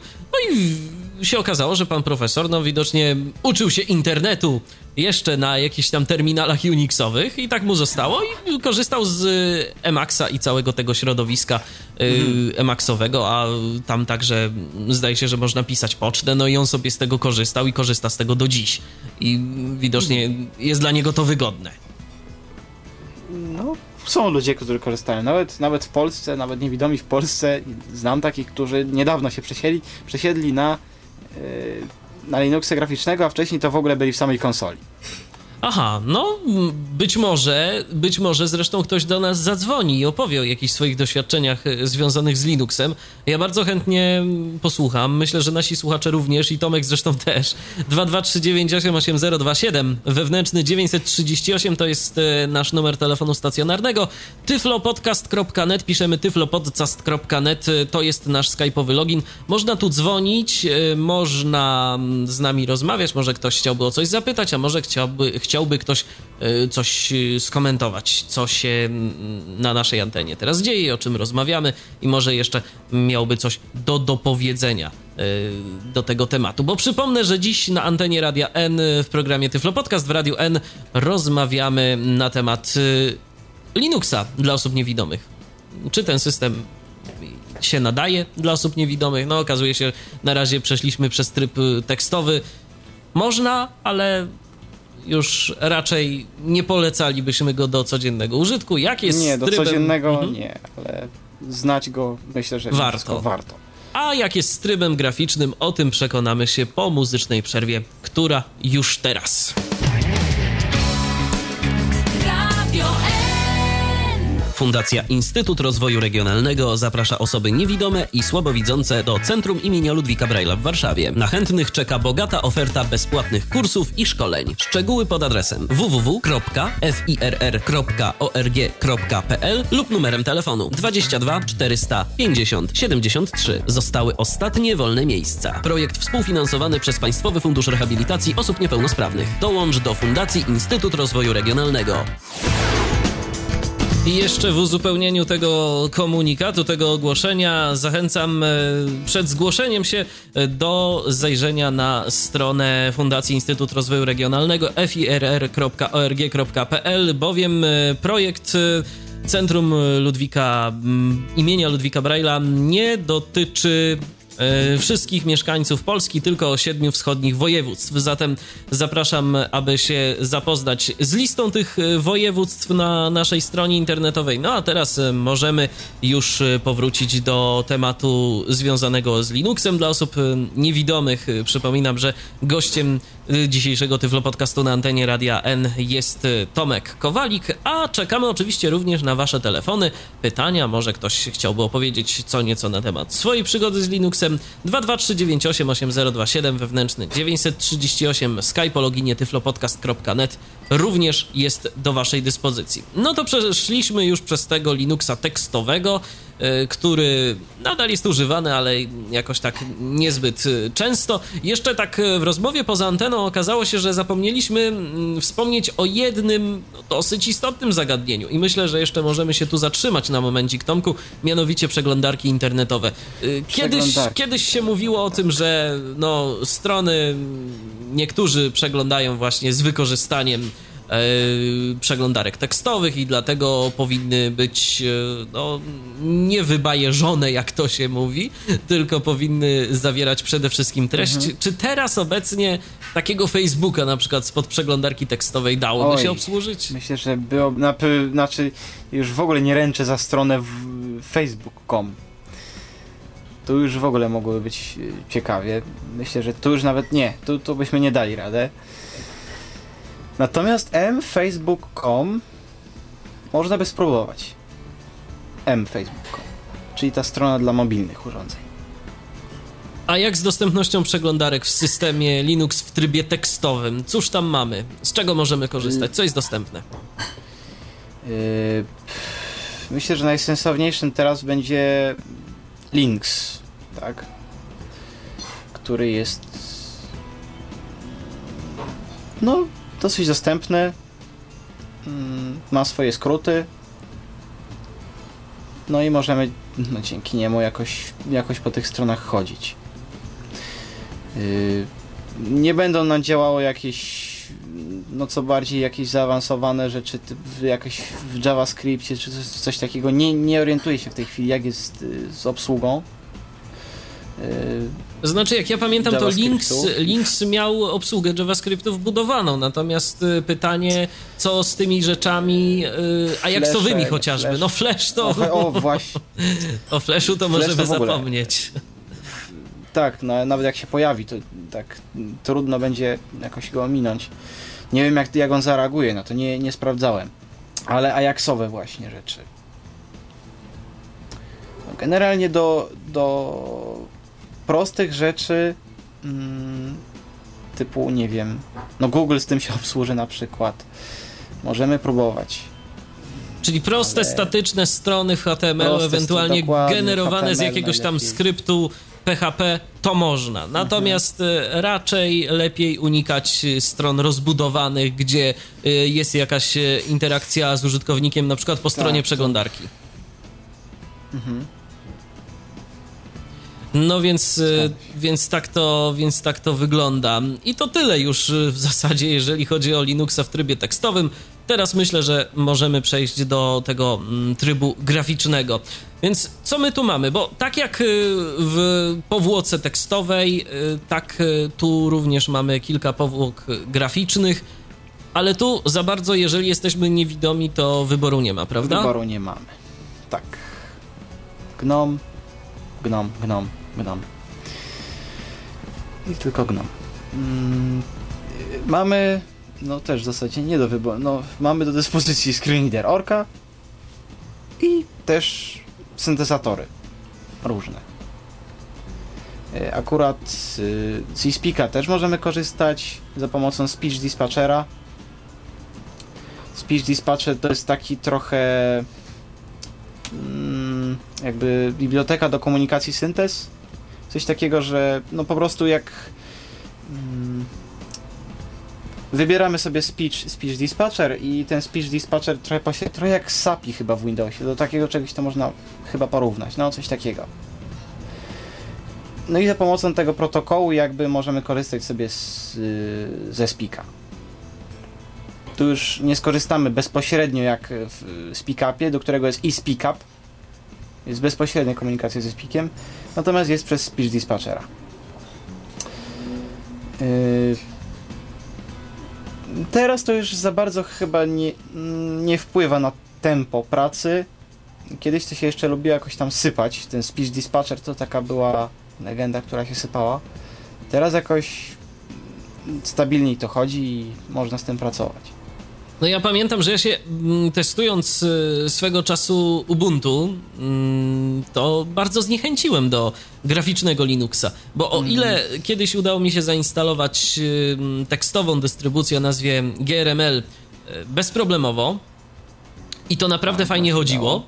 Natomiast jeżeli chodzi o graficznego Linuxa, zainstalowałem sobie to na laptopie jako jedyny system, bo miałem taki ambitny plan, żeby z tego korzystać. Przejść na Linuxa. Tak, przejść na Linuxa chociaż na komputerze przenośnym. No to niestety musiałem z tego ambitnego planu zrezygnować, bo po prostu no, to było bez sensu. Co chwilę Który trzeba był było. Ubuntu? E, Uuu, żebym ja to pamiętał. To był, to był Ubuntu, zdaje się, w 2009 roku, e, który, A, czyli który tak jak, było. ja, tak jak ja coś takiego. Ja się właśnie też zraziłem, a to jest y, błąd, dlatego że stabilność się poprawiła. I do tego mnie zachęcali inni ludzie, żeby to przetestować. No faktycznie jest tym lepiej. Jak ktoś korzystał wcześniej właśnie w tych latach 2009, czy tak naprawdę, to niech spróbuje jeszcze raz teraz, bo jest lepiej. To zachęcamy. Ja się, ja się może też skuszę w jakimś tam wolnym czasie, bo no warto by było wrócić do tego Bo systemu. wtedy wysypać orkę to naprawdę nie był problem. No to w ogóle nie był problem. To ja powiedziałbym, To się- ja powiedziałbym inaczej. Y, Problemem było sprawić, żeby ta orka się nie wysypała. Oj, tak, to już y, znaczny problem. Skoro ja niestety- chodzę, chodziłem sobie po pulpicie, y, tym, y, no tak umówmy się, że to, że to był pulpit, y, no i przemieszczałem się po prostu po ikonkach. Zrobiłem to zbyt szybko w pewnym momencie, no Tak. i już wszystko się wysypało. Dobrze, że nie Miałeś taką zawieszał się wtedy pustkę. system. Tak, dobrze, że nie zawieszał się wtedy system, bo Można było tam... tak zrobić, że się robił kernel panik. Też tak, też tak kiedyś chyba mi się stało. Prawda nie wiem, co ja zrobiłem wtedy, ale no, zrobiło mi się tak. To jest taki, no nie wiem, odpowiednik blue screena. Tak, tak, tak, mniej więcej coś takiego. Tak, tak to określić. No, czyli takie coś też, ale nie, no zazwyczaj tylko orka, orka się wysypa, wysypywa. No właśnie, Linux to jest też taki system, który z założenia ma być trudno wysypywalny, Mhm. tak powiem. No, widać. No, orka już niestety nie robiła. orka nie nie była robiona z taką z takim założeniem, ale teraz Całe szczęście się poprawiło. Tomku, mm, to skoro już tak mówimy o screen readerach i w ogóle o, mm, właściwie o screen readerze i o pracy w systemie graficznym, to może powiedzmy, tak porównując do Windowsa, mm, ten tryb graficzny, ten GNOME, to środowisko, czym to się różni? Na jakie różnice może być przygotowany użytkownik, który zainstaluje sobie Linuxa yy, w trybie graficznym, będzie chciał z tego korzystać, loguje się do systemu. takie, że będzie mniej, mniej aplikacji dostępnych. No tak, ale loguje się do systemu i co widzi? E, I o ile pamiętam, e, tak, będzie widział chyba ekran konfiguracyjny Orki. I, jak, I w ogóle może mieć dziwną, dzi, dziwny problem, jak tu w zasadzie wejść do jakiegoś menu start. No właśnie. Bo jak się będzie naciskało menu start, to nie ma tak dobrze. Nie ma nic. Trzeba nacisnąć Alt F1. I wtedy się wejdzie. I wtedy się wejdzie. I tutaj, no na plus raczej, mm, yy, konfiguracja całego tego systemu w Gnomie, mm, panel administracyjny, te wszystkie rzeczy są no, dostępne. Zmiana języków, nie języków, konfiguracja generalnie jest dostępna dla nas. Do tego menu start, znaczy menu, no tak, trzeba się trochę przyzwyczaić. Hmm. Tam strzałki strzałki lewo, prawo, z tego co pamiętam, tak. One robią trochę co innego, dlatego że yy, mogą nas przenieść właśnie w lewo, to tam, tam są dalej opcje od konfiguracji i tak dalej. Trzeba, trzeba trochę po tym menu start pochodzić i się do niego przyzwyczaić. Natomiast no to jest naj, to jest chyba w ogóle taka no, podstawowa różnica. A jest y, w Gnomie pulpit jako taki, tak jak mamy w Windowsie? Mm. No można przyrównać, nie wiem czy to można przyrównać do tego, czekaj, Ctrl Alt D to było? Tak. I to jest co? Nie wiem, no, no coś jak gdyby Windows, Windowsowy pulpit. Coś, coś jakby. Możemy sobie tam po prostu powyciągać jakieś ikony, tak? Tak, tak, tak, tak, dokładnie. No jest coś takiego. Ale zazwyczaj korzysta się z czego? Z tego menu takiego startowego, tak? Gdzie tam są ikony do programu. No. Zazwyczaj tak, ale można też no, z pulpitu, mówię, zależy jak, jak jest szybciej. No, to tak samo jak w Windowsie. No, niektórzy, ja na przykład, nie wiem czemu mam taką manię, nie, chodzę przez, wchodzę przez wszystkie programy do, do jakiegoś tam konkretnego programu, a mam skrót na pulpicie. To już zależy od od użytkownika, od przyzwyczajenia. Bo Dokładnie, bo w końcu nie od dziś mówi się, że przyzwyczajenie to jest druga natura człowieka. Na jakieś takie jeszcze rzeczy warto uczulić naszych słuchaczy, jeżeli chcieliby zacząć swoją przygodę z Linuxem, na co powinni zwrócić uwagę, czego się mogą spodziewać, tak na pierwszy rzut oka, ucha? Mm, mogą się spodziewać czego? Yy, myszki worce, która jest no inna niż na przykład myszka w, tam w Windowsie czy w, w JOSie. A jak ona działa? Dlatego, że tam e, głównie właśnie to jest 7, 9 to jest czytaj linię poprzednią, następną, 4, 6 i 1, 3 to jest odpowiednio tam wyraz poprzedni, następny. Dwój, dwójka, piątka i ósemka to jest e, czytaj e, znak literę, na którą mhm. stoi, znak tam słowo wyraz. i wiersz. Tak, dokładnie. Zgadza się. Zresztą tak samo to działa, jak dobrze pamiętam, w speak-upie. Też się tak. czyta numeryczną tak. przede wszystkim różne tak. rzeczy. No ciężko tam mówić o myszce, co prawda, no. ale, ale jest. Ale jest coś takiego i można to y, czytać. Zresztą y, w programie NVDA jest tak samo. Też mamy mhm. intensywnie wykorzystywaną klawiaturę numeryczną właśnie w ten sposób, że siódemka, ósemka, dziewiątka to są wiersze, czwórka, piątka, szóstka to są słowa i jedynka, dwójka i trójka to są znaki. Tak jakby ta myszka trochę była odwrócona. Mhm. Mm, dobrze, to co jeszcze? No jest klawisz mhm. speak up, to, to może komuś przypominać na przykład klawisz JOS albo no coś takiego. A klawisz orki też chyba jest, tak? Yy, przy, właśnie, klawisz orki. No, speaker zresztą też. Klawisz orki, tak, klawisz orki, czyli insert yy, w układzie desktop i caps lock w układzie laptopowym. No to wiadomo. Mhm. I na przykład insert spacja to jest tam, z tego co pamiętam, konfiguracja i tak dalej. No, pomoc do orki jest, także można sobie tam skróty i wszystko pooglądać. A ta pomoc jest y, już zlokalizowana na język polski, czy nie bardzo? W ogóle jak to jest z orką? Ona już jest po polsku, czy... Jest po polsku, ale pomoc nie wiem, czy jest po polsku. I ja miałem po angielsku jeszcze, jak miałem, ale pomoc do orki to faktycznie mnie zagiąłeś, nie wiem, czy jest po polsku. Sam interfejs razie orki interfejs ja jest. Był nawet, powinien być, y, jak testowałeś, już wtedy by powinien być po polsku. Ja już nawet nie pamiętam, wiesz, to było tak dawno, y, że nie To pamiętam. już było, ale pomoc faktycznie, no nie wiem. Jakieś w ogóle słyszałem takie opinie, że ciężko komuś tam było tą pomoc znaleźć y, do orki. Mhm. Ona jest jakoś dostępna w miarę... Przede wszystkim można sobie, nie instalując niczego, przejrzeć pomoc. Wystarczy wygooglać sobie y, stronę, na której jest mm, właśnie ta pomoc. To jest tam na którejś ze stron Gnoma. Tam ta pomoc jest zlokalizowana i są skróty klawiszowe. Są. Ja nie miałem żadnych trudności ze znalezieniem, ze znalezieniem tej pomocy. Rozumiem. Jest No to jest skoro... pomoc w samej orce.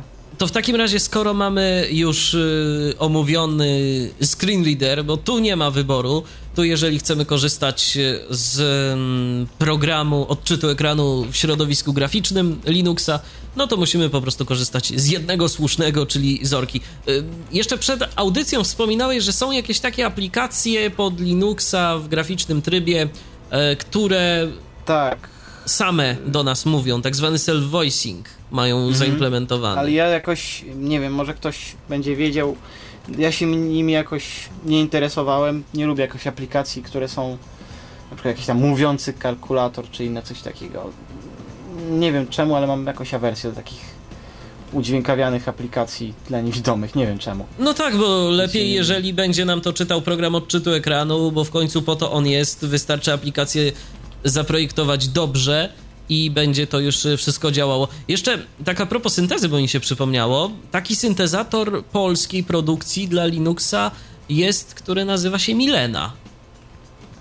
Milena? Tak. Jest jeszcze, taki, jest jeszcze taki syntezator, można z tego, można z tego korzystać. Yy, Nie wiem teraz, yy, co prawda, jak yy, z jego responsywnością, bo wiem tylko, że po prostu niektóre osoby z tego korzystały, gdzieś tam się bawiły, więc yy, też taka informacja dla naszych słuchaczy, że no, jeżeli byście chcieli, to możecie poszukać. Yy, Syntezator nazywa się właśnie Milena. Zdaje się, że na, y, na właśnie na, na, na festiwalu on został zrobiony. Co zresztą trochę chyba nawet słychać. Aha. Jak- Natomiast Espik ma chyba mimo wszystko, nie wiem czy nie jest najresponsywniejszym z tych wszystkich syntezatorów. No właśnie, jak z responsywnością tego Espika jeszcze tak powiedz? Y. Dobrze. Porównywalnie do Espika z NVDA, czy troszeczkę wolniej? E, Nie, nie, wolniej, ale i tak jest i tak jest ok. Inne, inne chyba są y, wolniejsze niż Espik. Espik tu akurat wygrywa, ale to nie jest NVDA. Nie. No to szkoda, no miejmy nadzieję, że się kiedyś jeszcze doczekamy tego, że będzie można korzystać y, z Linuxa, no tak, No, tak jak miło- jest z NVDA. Miło, miło by było, bo y, no NVDA to naprawdę, ta responsywność tego Espika w, w tym programie jest no, Jest niezła. I to, i to niezła, fakt. Tak. Dobrze, to teraz może mm, przejdźmy mm, na moment do programów użytkowych, bo no w końcu na tym to polega. Mamy system, system już nowoczesny, graficzny. Warto by było teraz y, korzystać y, z tego systemu i z jakichś konkretnych aplikacji mm, dedykowanych na ten system. To może znowu od poczty zacznijmy. Czyli Thunderbird. Tylko Thunderbird, czy jeszcze są jakieś dostępne aplikacje? Y, Ja znam, znam Thunderbirda. Mm, No nie wiem, czy, czy jeszcze są jakieś dostępne, bo są to na pewno, ale czy są dostępne, nie wiem. Thunderbird wiem, że jest dostępny. Kiedyś na przykład słyszałem, że bardzo dobry jest program Sylfit do poczty, ale to trzeba by było jego No dostępność sprawdzić. Mówię, ja z mailem jestem do tyłu na wszystkich platformach. Okej, na Windowsie. okej. Dobrze, no to mamy Thunderbirda do poczty, a co z komunikacją? Jakaś taka komunikacja na żywo pod y, Linuxem w, trybem, w trybie tekstowym było EKG2, a tu Pidgin, tak? Pidgin, tak. I co on potrafi? E, Pidgin e, no to jest właśnie też zaleta, że można chyba tam do niego dodawać pluginy.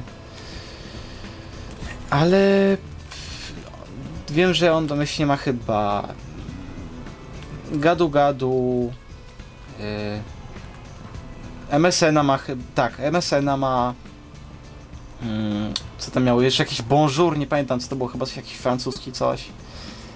E, nie pamiętam w tej chwili jaką, e, jaki on, jakie jeszcze protokoły wspierał. Na pewno wspierał gadu gadu, z czego korzystałem.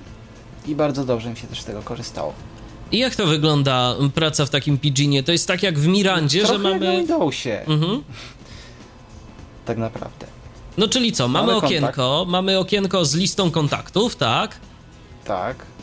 Chcemy z kimś porozmawiać. Klikamy na kontakt, z, który, z którym chcemy porozmawiać. Mamy po prostu pole edycji, w którym piszemy. Okej, do a jak wysyłania. ktoś, a jak ktoś y, do nas napisze, to y, gdzie odczytujemy? To za pomocą tej Tego, myszki? co pamiętam z tym, z tą myszką. Ja przynajmniej odczytywałem z tą myszką. Nie wiem, czy da się jakoś łatwiej, odczytywałem z myszką. Rozumiem. Na tej zasadzie. No, Ale mówię, no wygodnie dało się. jakieś Ktoś na przykład wiedział, powiadamia, alt jakieś powiadamiania dźwiękowe miał? Yy, miał chyba na status. I no, no, y, oczywiście wiadomości, nie? To Mhm. wiadomo. No tak, właśnie przede wszystkim o to mi chodzi, że jeżeli O, te główne, tak? Mhm. No, tak. A EKG, EKG2, tak wracając chwilę, to miał y, to chyba zrobione przez głośniczek, tak śmiesznie. Tak, mi to się bardzo podobało. Mm, to trzeba było włączyć. Co mi i tak i nie. To trzeba było włączyć. Ale wiesz, to ma swoje no, wady i zalety, bo y, jesteś w słuchawkach no, zamkniętych, ty tym bardziej, jako nie wiem, jakieś tam masz słuchawki zamknięte, y, jesteś odcięty powiedzmy od otoczenia, słyszysz wtedy ten głośniczek. No nie bardzo, no nie bardzo, to, No to jest prawda. Ale akurat EKG miało tak... Ale ja miałem, ja miałem na to lepsze rozwiązanie. Jaki? Y, Jakie? Zamiast głośniczka miałem ten dźwięk y, w Windowsie, on jest domyślny, że ten, ten taki, y, Mhm. nie pamiętam jak się ten ding, czy jak to się nazywa. No tak, bo można to ustawić W w. Mm, To, Tak, tak, w to. Dokładnie, to już tam się ustawiało. Natomiast... y, Ale to mm, przy sesji zdalnej, wiadomo, przy, Tak. przy jak się jest lokalnie, no to To mamy. PC speaker. Tylko i wyłącznie. No chyba, że ktoś byłby w stanie tam jakoś to, jakoś to pozmieniać, bo być może też się, być może też się dało. Natomiast, y, dokładnie. natomiast y, jeżeli nawet bym nie usłyszał, to jeszcze taką ciekawostkę powiem a propos mm, EKG2. Y, m, w- Wystarczyło sobie gdzieś tam sczytać y, drugą linię od dołu y, i tam była taka linia statusu. tak, była No i tam się pokazywało coś takiego ACT. Yy, takie, takie słówko. I po słówku ACT pojawiały się y, informacje o numerach okien, które mm, wymagają mojej uwagi. Roz, uwagi, tak, bo tam jest jakaś albo rozmowa, albo jakiś... tak, bo każda rozmowa to było osobne okno. Okno numer 0 Można sobie było prowadzić ileś tam to był rozmów status, na raz. albo bo numer? 1. Teraz nie pamiętam już y, jak to było, ale chyba numer. Mm, nie, numer 1. Numer 1 to był status. Jeden, Windows 1 chyba, tak. Aha, aha. Dwójka i tak dalej to już były. To już były Rozmowy. rozmowy. No i wtedy mm, trzeba było po prostu sobie tam od czasu do czasu zerknąć. A, jeszcze zapomniałem jako taką ciekawostkę, w ogóle do EKG2 można robić skrypty w Pythonie. Jakby ktoś chciał. O. To można sobie zrobić, bo inaczej powiem, można sobie zrobić bota. I co ten bot na przykład może robić?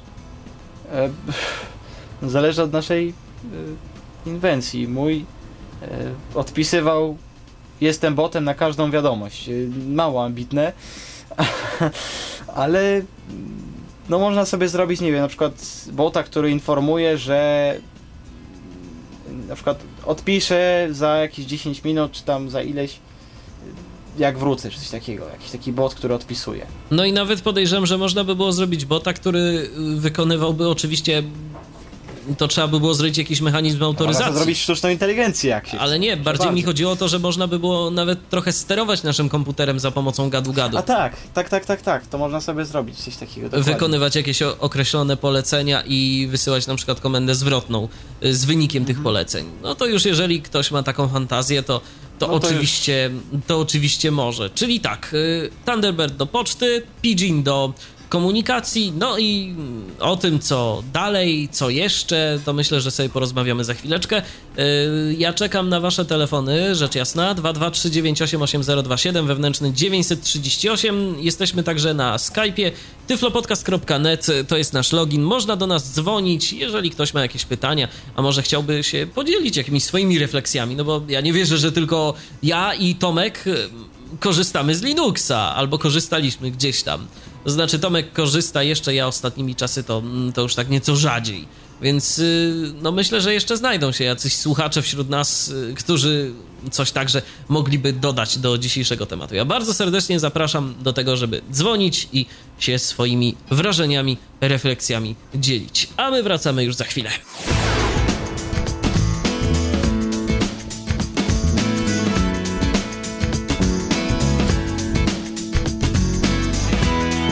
Cały czas słuchacie audycji Tyflo Podcast w Radiu N. Dziś wspólnie z Tomkiem Kowalikiem rozmawiamy na temat y, dostępności Linuxa dla osób niewidomych. Y, no i wracamy do tematu. Jesteśmy cały czas przy środowisku graficznym.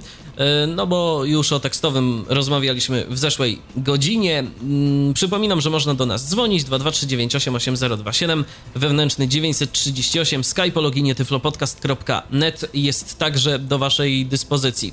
No to Tomku, wracamy do tematu. Mamy już za sobą e, pocztę, mamy za sobą komunikatory. No a jak z y, przeglądaniem stron internetowych? Firefox? Firefox. Tylko tak, Firefox? Zgadza się.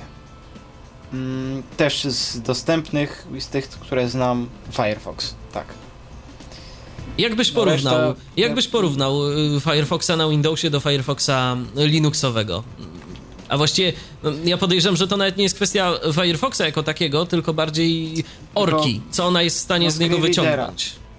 Mhm, mhm. Zgadza się. Skróty trochę inne. Teraz no, nie pamiętam szczegółów, ale mogą się różnić na, na Windowsie i tutaj właśnie. Skróty to raz. Mm, a dwa, nie wiem czemu, ale czasami nie, udało, nie, nie udawało mi się obsłużyć z Orką i z Firefoxem jakichś właśnie stron, które się szybko odświeżały, czy coś takiego, nie wiem. Czy to, i to było jeszcze w starym, mm, w starym Ubuntu, w 2009 roku. Nie wiem, czy oni coś poprawili w kwestii przeglądania, natomiast no to właśnie to z różnic do Windowsa nie mogłem niektórych stron obsłużyć. No to podejrzewam, że to mogła być jednak kwestia, kwestia orki, która gdzieś tam mniej Też... była w stanie wydobyć z Firefoxa, ale tak y, jako... Mm, tak, to ja się w ogóle mhm. zdziwiłem, bo to bardzo podobne jest. Tak, w ogóle. I też taka sama filozofia, czyli mamy te wirtualne bufory, tak, y, w których mhm. jest zaczytana strona. Jak na przykład chcemy wypełnić jakiś formularz, to jak to wygląda? E, też na formularzu Enter i wypełniamy formularz na tej zasadzie. Czyli po prostu tak jak y, żadnych rewelacji tu nie ma. Takich innowacyjnych, nowych, że, że jakoś nie, to inaczej. Mhm. Nie. Ja tak się w ogóle swoją drogą zastanawiam, czy ktoś jakoś kiedyś y, zmieni tę koncepcję wirtualnego bufora, czy to Dokładnie, w ogóle, zawsze tak będzie. na jakikolwiek Mhm, w jakimś, w jakimś programie odczytu ekranu. No, pożyjemy, zobaczymy. Póki co skupmy się na tym, co mamy, czyli na, czyli na internecie. Y, do jego przeglądania y, Firefox, y, tak jak wspomnieliśmy. No i teraz wracamy do aplikacji różnych. Na Linuxa jest przecież Skype. A jak z jego dostępnością? Niestety krucho. To znaczy co, w ogóle nic Orka nam nie przeczyta, czy coś jednak przeczyta? E, jak ja testowałem, nie czytał absolutnie nic. I trzeba było, i tak z tego co wiem, tak jest do dzisiaj. E, tutorial był taki, że było dwa razy tabulator, wpisujemy nazwę użytkownika, tam ileś razy tabulator, hasło, ileś razy tabulator, enter. Na takiej zasadzie. Aha, czyli to ktoś opisał to i wystawił tak. gdzieś w internet, tak? Taki tutorial, jeżeli ktoś by chciał z, ze Skype'a korzystać. Tak, tak, więc no na takiej zasadzie się da, ale no niestety tu już tak różowo z dostępnością nie jest. Listy kontaktów, jak rozumiem, też nie czytał. Nie. więc tak. Yy, no plusem jest to, że Orka coś zaczyna robić, znaczy Orka, no tak, yy, w ogóle coś się zaczyna dziać w kwestii dostępności QT. Czyli przypomnijmy i powiedzmy naszym słuchaczom, co to jest w ogóle QT, bo o tym się co jakiś czas mówi, że problemy tylko to są z tym same, ale tak na dobrą sprawę może nie wszyscy wiedzą, co to jest QT. Mm, jak to naj, najprościej zdefiniować? Biblioteka programistyczna, jakiś coś do tworzenia grafiki w programach, tak najprościej? Do modelowania interfejsu, czyli po prostu. Do mo modelowa tak, do to, co właśnie, widzimy, a właściwie to, co widzący użytkownicy dostają na monitor, no to ten cały interfejs y, właśnie jest y, tworzony z wykorzystaniem biblioteki Qt.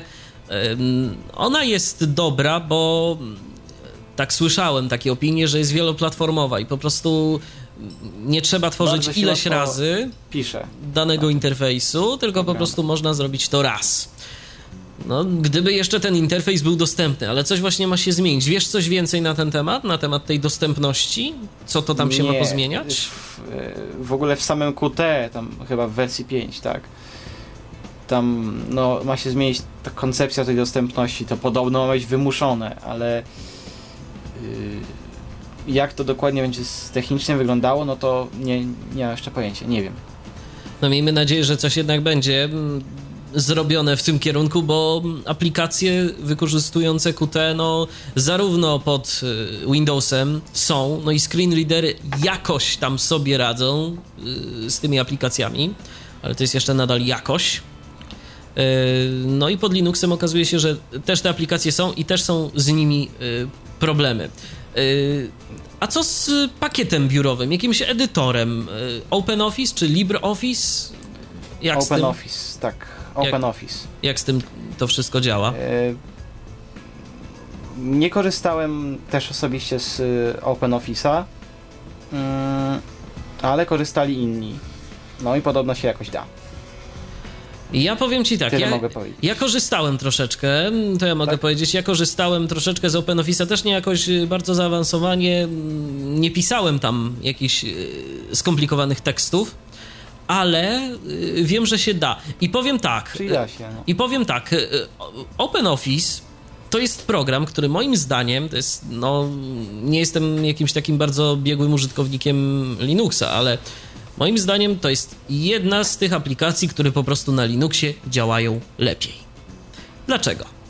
Żeby mm, skorzystać y, z OpenOffice'a mm, na Windowsie, czy z LibreOffice'a, bo to teraz taki wyszedł klon OpenOffice'a, wersja bardziej rozwijana. Yy, więc żeby z tego korzystać, to trzeba zainstalować Java Access Bridge, co wcale nie jest proste. Yy, jeżeli ktoś próbował, to, to wie. No ja próbowałem, udało mi się, ale, ale to nie jest proste, bo kiedyś yy, był instalator do Java Access Bridge'a, Teraz jakiś czas temu no wyszła nowa wersja, nie ma instalatora, trzeba kopiować pliki, a ostatnio, zdaje się pod Windowsem 7, yy, jest możliwość automatycznej instalacji tego Java Access Bridge'a. Więc y, no coś tam się dzieje. W każdym razie no przez pewien okres czasu ta instalacja nie była taka łatwa. A w Linuxie, kiedy mamy orkę y, i kiedy uruchomimy sobie OpenOffice'a, to po prostu działa. Nie trzeba robić nic. Tak. Trzeba po prostu korzystać z tego pakietu. No i on czyta. Czyta nam y, to, co wpisujemy, czyta nam y, wiersze mm, pod strzałkami, znaki, Czyli słowa. takie podstawowe. Dokładnie. Jakieś operacje proste w arkuszu kalkulacyjnym też robiłem. Można. Baza danych y, też działa. Trochę dziwnie. Tam jest, tam jest to dosyć tak zamotane nie robi się tak łatwo mm, różnych jakichś tam formularzy w tej bazie danych i nie wprowadza się tych danych tak łatwo, a przynajmniej ja miałem z tym jakiś problem. Natomiast no, też jest to odczytywane, jeżeli ktoś chce, może się z tym bawić. Także OpenOffice, yy, edycja dokumentów i to nie takich prostych, yy, tekstowych, o których mówiliśmy wcześniej, yy, no to jak najbardziej działa, jest dostępne, można korzystać. No co jeszcze? Może jak ktoś chce jakieś prostsze edytory, niekoniecznie OpenOffice. Myślę, że można Gedita spróbować na przykład. Yy, jeszcze raz, jak się nazywa ten program? Gedit? I to przypomina co? Też taki notatnik? Tak, tylko no trochę bardziej rozbudowany, nawet chyba może wtyczki mieć i w ogóle to już taki no rozbudowany, taki Notepad Plus chyba, coś takiego bardziej. No i tu jeszcze mam informację od Maćka, że rzeczywiście teraz y, lepiej korzystać z LibreOffice'a, mm, bo OpenOffice od jakiegoś czasu nie jest rozwijany. Więc to taka informacja. No rzeczywiście, rzeczywiście też, y, też mnie takie informacje doszły, więc y, rzeczywiście można korzystać z LibreOffice'a, bo no, to jest w zasadzie to samo, tylko po prostu ktoś nad tym jeszcze czuwa i dba o rozwój tej aplikacji. Y, Gdzieś tam się zatrzymaliśmy na Skype'ie, to tak y, idąc nieco dalej i mm, drążąc ten temat komunikatu, komunikatorów głosowych, to może jeszcze o TeamTalku coś powiedzmy, czyli o programie, z którego teraz korzystamy, realizując te audycje. Tak. Jest dostępny, nie jest? Za Tak, moich czasów y, jest- korzystania z Linuxa nie był, powiem tyle. Nie był. E, teraz jest tak, jak jest Qt na Windowsie. Chyba w ten sposób. Tak naj, najbardziej można do tego porównać. Czyli da się mm, od biedy tam wejść na kanał, ale już na przykład z czatem są problemy, ale już da się samemu tam coś z tym zrobić. A na przykład na audycję już bym mógł wejść z Linuxa. No to chociaż tyle dobrego, bo ja pamiętam, że mm, w ogóle Orka mm, Tak, ja też to pamiętam. miała taki niefajny sposób i to jest akurat to jest akurat jej minus y, moim zdaniem, y, bo Orka aplikację, która jest niedostępna to po prostu traktuje już zupełnie jako coś niedostępnego. Mm, Po Tak, prostu kiedy ur- takie fajne, niedostępne. tak, kiedy uruchamiamy tę aplikację, ona nam nie daje żadnej szansy w ogóle, żeby coś myszką odczytać. Powie niedostępne, koniec. Dokładnie, niedostępne i tyle. To jest tak, jakbyśmy, proszę Państwa, zainstalowali sobie i uruchomili jakąś aplikację w Javie y, bez Access Bridge'a. Też na przykład myszką tam nic nie przeczytamy, możemy sobie tabem naciskać, yy, próbować chodzić po tym okienku tej aplikacji i tak nic nie zrobimy. Zresztą w Qt jest podobnie. Yy, Więc yy, właśnie tak jest z Orką i z tymi niedostępnymi aplikacjami. Jest informacja niedostępna. Jak coś jest dostępne, no to, to jest ta informacja odczytywana. Wszystko jest ładnie, pięknie, ale jeżeli coś jest niedostępne, no to po prostu dostaniemy informację, że jest niedostępne i tyle. Tak, taką uprzejmą informację niedostępnej. Tyle I koniec. z tym możemy zrobić. Tak jak na przykład przy logowaniu do Skype'a. Aha, ale całe szczęście klawiatura jest, nie, nie jest blokowana i możemy tam sobie tym tabem naciskać, tak? Tak, tak. Jeżeli z tego tutoriala tak, tak, byśmy tak, chcieli można, skorzystać. Tylko nic, absolutnie nic nie usłyszymy. Nic. Mhm, Zupełnie. mhm. Orka sobie po prostu wtedy odpoczywa prawdopodobnie. Tak. Nawet, Wyłączona w ogóle. tak, nawet nie z próbuje, nawet nie próbuje czegoś zrobić. Wspomnieliśmy mm, na samym początku gdzieś tam, że z grami pod Linuxa jest problem, bo tych gier jest niewiele. Y, Dla widzących też jakiegoś zatrzęsienia nie ma. Y, Znaczy, w, w wersji, w wersji tekstowej, yy, to znaczy w ogóle w, w Linuxie, kiedy zainstalujemy Linuxa, to jest chyba tych gier w ogóle więcej niż w Windowsie, tak yy, paradoksalnie. Ale żeby no faktycznie jakieś zatrzęsienie było takich yy, komercyjnych produkcji, to nie powiedziałbym, że było. Ale o tym porozmawiamy za momencik, bo mamy telefon, Tomku. Maciek do nas się dodzwonił. Cześć Maćku. Dobry, z tej strony y, Michał. Jesteśmy y, akurat y, jesteśmy akurat y, w szkole i y, O, używamy. wiecie, tak przez, przez telefon. Dobrze mnie słychać? Słychać cię, Tak. słychać cię dosyć dobrze. Słychać, nawet zrozumiale jest ok, wszystko. No, to ba- bardzo się cieszę. Ja chciałem y, powiedzieć coś, y, no dajmy na to na temat dostępności QT. I no dajmy na to Skype'a, dlatego że troszeczkę sprawdzałem o co tutaj chodzi. Ja jestem wieloletnim użytkownikiem Linuxa, chociaż teraz, chociaż teraz troszeczkę się to zmieniło, ale nadal go lubię. Aha. Y, Jeśli chodzi na przykład o Skype'a, próbowałem Skype'a 4.0. Ja powiem tak, na Skype'ie 2 podobno dało się coś zrobić, teraz, po już wejściu tego mostka dostępności, ale nie wiem, nigdy nie sprawdzałem dokładnie, bo coś mi się zawsze działo z nim, a w Skype 4.0 na przykład zauważyłem, że nie za bardzo widać kontakty, tak... No to testowałeś widocznie tego Skype'a co ja. 4.0 testowałeś. e, Bo 4.0, znaczy 4.0 wyszedł niedawno i 4.0 ma tak dziwnie to. Jakoś naciskam strzałkami na ten, na liście kontaktów, widać to tak, jakby tam kontaktu nie było. Mogę nacisnąć menu kontekstowe, mogę tam wejść, mogę, mogę, mogłem chyba zignorować rozmowę, bo poprosiłem kolegę, żeby, y, żeby przetestował. Natomiast nie. I wtedy jakimś cudem widziałem to do mnie dzwonić.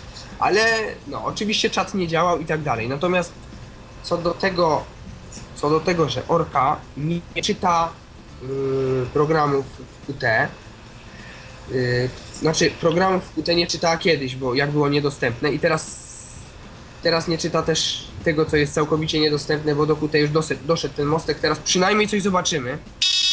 Tak, tyle co w Windows, no coś takiego jak to QT w Windowsie. No tak chyba to można porównać, tak mi się wydaje. Kiedyś tak jak yy, tak jak mówiliście kiedyś tak jak mówiliście to było całkowicie niedostępne, ale to jest całkiem łatwo wytłumaczyć, bo Orka nigdy nie czyta bezpośrednio z ekranu. A w jaki sposób ona to robi? To znaczy ona otrzymuje z centralnego miejsca informacje o oknach w aplikacji, bo uporządkowane. Nie musi interpretować tego, ale to też powoduje, że jeśli już ma coś dobrze, dobrze zrobioną tą dostępność, biblioteka graficzna czy cokolwiek, to Orka nie może się pomylić. Jeśli jest, oczywiście jeśli trafimy na błąd, to co innego. Bo ona nie, nie próbuje czytać bezpośrednio z ekranu obrazków, czy tam czegoś. Nie jestem do końca pewny, jak to działa w Windowsie, przynajmniej działało. Bo w Windows 8 podobno już ma być inaczej.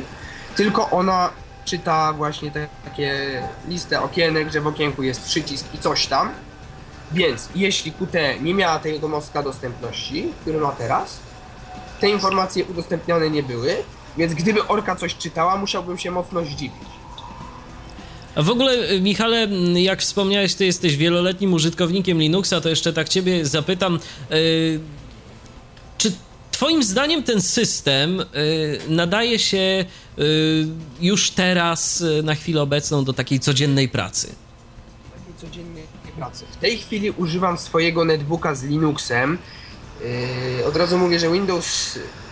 Próbowałem zainstalować Windowsa, ale coś mi się rąbało, a Linux jakoś nigdy nie. Nie udało mi się go zrąbać przypadkowo, no chyba, że.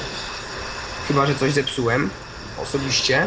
Yy, w każdym razie używam Linuxa do szkoły, do pisania, do wchodzenia na internet. Z tym, że na, na takim netbooku jak ten może to być troszeczkę powolne, ale to zależy gdzie, co się robi.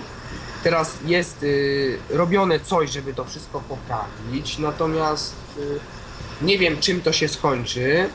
Nie wiem czym to się skończy. Na netbooku jest to. Natomiast na mocniejszych komputerach wcześniej miałem Ubuntu 12. Nie, 11.04 miałem Ubuntu, zdaje się, na komputerze stacjonarnym. Było dość szybkie, szczerze mówiąc. Czyli ty y, przede wszystkim korzystasz y, z trybu graficznego, czy też z tekstowego również? Korzystałem wyłącznie z trybu tekstowego przez jakieś 4 lata i trudno, trudno było mi się namówić na tryb graficzny, ale w końcu przeszedłem. A dlaczego? Może dlatego, że był trochę lepszy klient Jabbera. Aha, rozumiem. Mi się naprawdę, no bo z trybu tekstowego można robić niezłe rzeczy przez nawet oglądać filmy, jeśli ktoś ma odtwarz. Właśnie, czego używałeś do odtwarzania, bo to mnie też interesowało. Muzyki, Muzyki. player, tak, M-player. To jest A, odtwarzacz, M-playera. ma nakładki mowskie, ale sam jest tekstowy, czy też graficzny, jeśli jest tam karta obsługuje, czy akurat jest tego. Mhm, ma on kilka trybów, tak, to, Można to pamiętam. tak pooglądać muzykę i to działało zawsze, to było fajne. Ja sam mogłem filmy, mogłem do pewnego stopnia internet i wszystko z samego trybu tekstowego. Ja nawet nie miałem zainstalowanego trybu graficznego, jakoś mnie to nie obchodziło, ale, Mhm. ale bo jestem ja. No, A teraz, a teraz, Michale, tak y, z ciekawości dzwonisz do nas spod Windowsa czy spod Linuxa? teraz spod Windowsa, natomiast mm, kolega ma Linuxa na maszynie wirtualnej. Maciek ma Linuxa na maszynie wirtualnej na tym komputerze. Ja na maszynie wirtualnej jeszcze u siebie na stacjonarnym. No i, ale I tak korzysta się całkiem fajnie. korzysta się całkiem fajnie, widziałem. Zazdroszczę mu tego procesora, bo jemu szybciej to idzie wszystko niż mi, ale mi też nie idzie.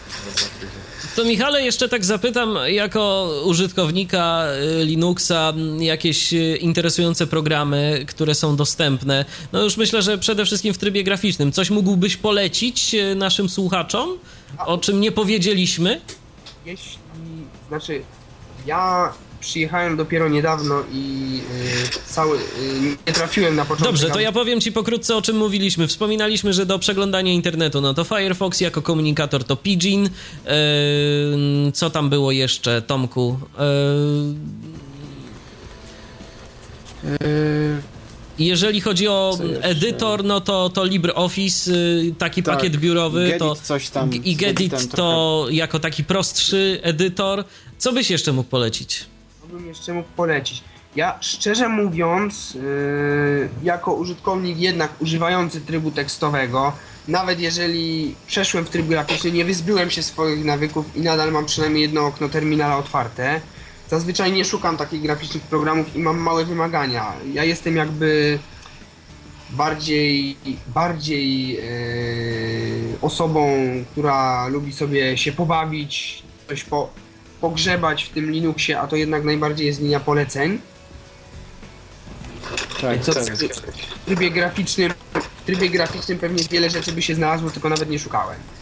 E, oczywiście, znaczy jest na przykład e, wbudowany, ale pewne rzeczy znam, na przykład e, w Linuxie jest, przynajmniej w Ubuntu wbudowany, znaczy to jest tak naprawdę wbudowane w Gnoma, e, nagrywa, program nagrywający płyty, który nazywa się Brasero. Jest, y, są odtwarzacze filmów i muzyki. Nie porównywałem nigdy z odtwarzaczami Windowsowymi, natomiast, y, natomiast takowe odtwarzacze są. I o dostępność zdaje się bym Są, nie byłoby źle.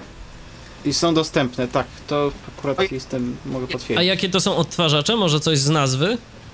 Zbudowane odtwarzacze y, Rhythmbox do muzyki i to, To właśnie o, chciałem wspomnieć o Rhythmboxie. tym, że tak naprawdę tym, że tak naprawdę z tym, że tak naprawdę oczywiście można totemem odtworzyć muzykę i nie ma z tym problemu. Natomiast Rhythmbox jest bardziej listy odtwarzania inne rzeczy, chociaż to chyba też coś ma. Ale nie jest, nie jest, nie jest tak zaawansowany. Można na przykład y, w Rhythmboxie zdaje się, a w totemie nie włożyć y, odtwarzacz muzyczny i w Rhythmboxie sobie z niego korzystać. Nie sądzę, żeby totem coś takiego, coś takiego O, słychać, że z Mirandy korzystasz, bo się właśnie Windows. odezwała i słychać, że Windows, bo bardzo, bardzo głośno się odezwała do nas w tym momencie. Jakieś jeszcze y, programy mógłbyś polecić? Jeszcze jakieś programy mógłbym polecić.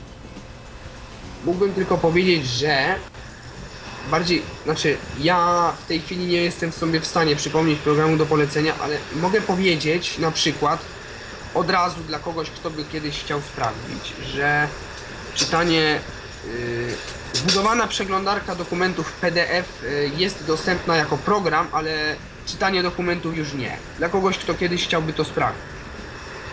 A coś innego do czytania PDF-ów y, jest y, w miarę takiego sensownego? Bo ja z tego co pamiętam, to kiedyś ludzie radzili sobie tak, że po prostu jakimś y, programem z wiersza poleceń wy, jakby próbowali wyciągnąć zawartość PDF-ów do pliku tekstowego.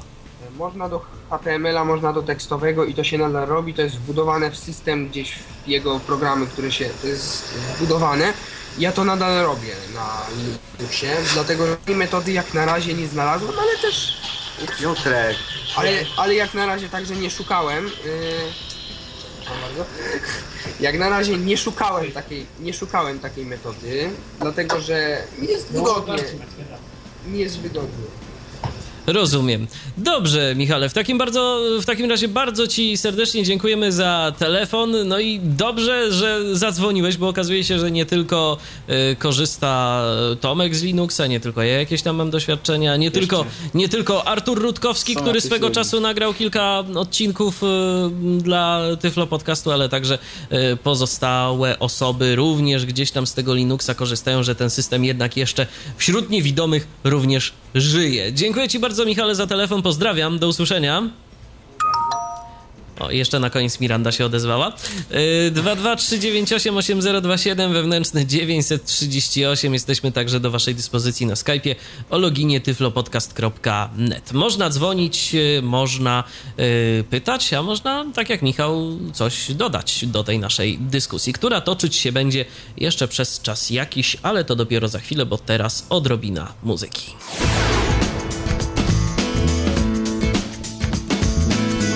Słuchacie cały czas e, Tyflo Podcastu na antenie Radia N. Dziś rozmawiamy o Linuxie mm, wspólnie z Tomkiem Kowalikiem. Yy, rozmawiamy na ten temat. Oczywiście, jeżeli chcecie zadzwonić, można. 223988027 wewnętrzny 938 oraz Skype nasz radiowy o loginie tyflopodcast.net. Yy, w poprzednim wejściu zaczęliśmy temat gier.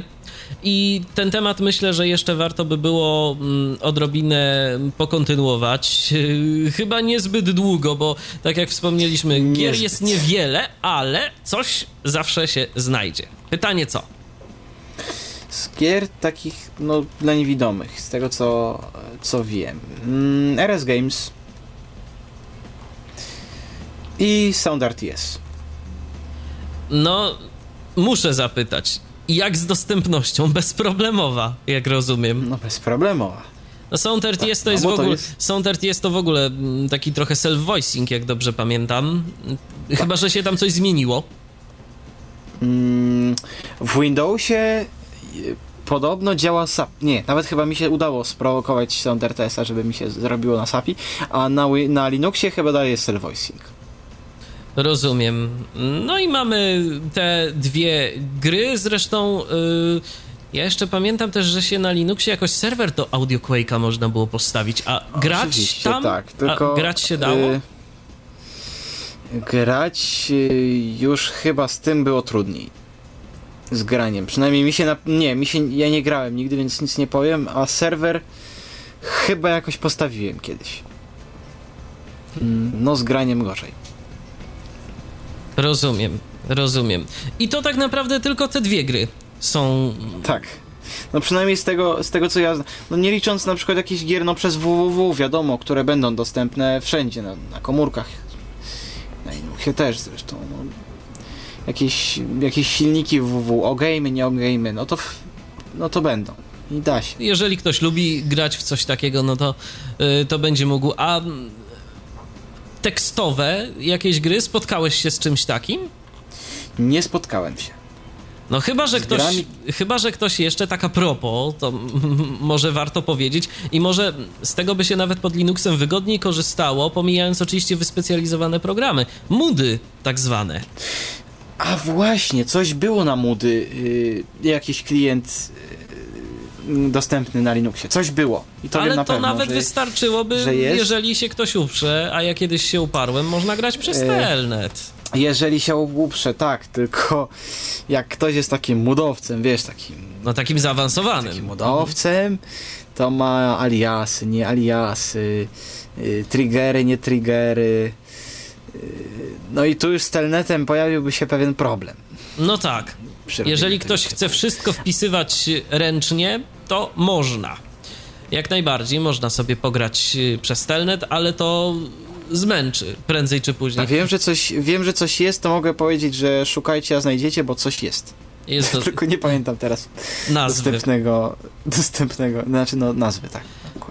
To jeszcze tak y, kończąc y, tę naszą dzisiejszą audycję, powiedzmy co nieco na temat y, instalacji y, Linuxa i w ogóle używania tego. Jeżeli ktoś no, zachęcony tym naszym dzisiejszym programem sobie pomyśli tak, okej, ja bym bardzo chętnie sobie z tego Linuxa pokorzystał, ale trochę się boję, bo instalacja, no to wiadomo, mogę sobie zrobić coś z dyskiem twardym, mogę mm, skasować partycję z Windowsem, a jednak nie jestem pewien, y, czy chciałbym korzystać y, tak na co dzień z Linuxa, to co on ma zrobić?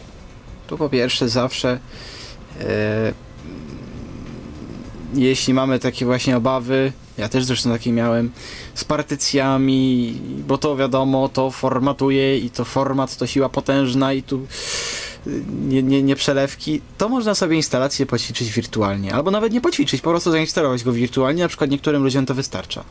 Jeśli mamy dobry procesor i nam to dobrze chodzi, to na przykład ja mam teraz Linuxa tylko wirtualnie i mi to w zupełności wystarczy. I taką instalację możemy sobie robić dwa razy dziennie, rano i wieczorem, w ogóle no, kiedy, kiedy, kiedy bądź będziemy to chcieli robić. Ćwiczyć to ileś razy, mylić się też ileś razy, no wszystko możemy robić. A instalacja Linuxa, powiedzmy, przynajmniej niektórych dystrybucji, mm, jest dostępna. Mm, jest dostępna, zgadza się, z mową i z wszystkim. Są nawet takie specjalne dystrybucje dedykowane osobom niewidomym, tak, prawda? Linuxy, tak, Linux, który jakoś tak przystanął z rozwojem, ale można z niego korzystać. Coś ostatnio się odzywali chyba w kwietniu panowie od Linuxa. Więc yy, no, to jest już dystrybucja właśnie ze skonfigurowaną tam yy, orką z autostart. W ogóle jest na przykład yy, ta dystrybucja ma też do ściągnięcia od razu prekonfigurowaną wirtualną maszynę. To znaczy jest VMware Player, o którym Mówiliśmy? w podcaście mówiliśmy, tak? Yy, I do VMware Playera są pliki VMDK i inne z, z zainstalowanym w zasadzie gotowym do uruchomienia. Uruchamiamy i odzywa nam się orka. Jeżeli ktoś chce, może w ten sposób też pracować. Są jeszcze... Jeszcze tam jakieś programy dodane są, nie Mhm. pamiętam w tej chwili jak. No na pewno jakiś. e, Kiedyś był OpenOffice, być może teraz już przeskoczyli na LibreOffice'a, no i jeszcze parę innych rzeczy. No takie, takie Ubuntu, bo to tak naprawdę Linux to jest y, przecież Tak, Ubuntu na przystosowany bazie Ubuntu. troszeczkę gdzieś tam do naszych potrzeb. E, o co ja jeszcze chciałem zapytać? A właśnie, a y, jak z Live CD, czyli z tymi takimi edycjami, które umożliwiają po prostu odpalenie się z płyty? No oczywiście, no da się korzystać. Ja tak korzystałem z, z Ubuntu, no i, I da się, No i i- działa. i da się.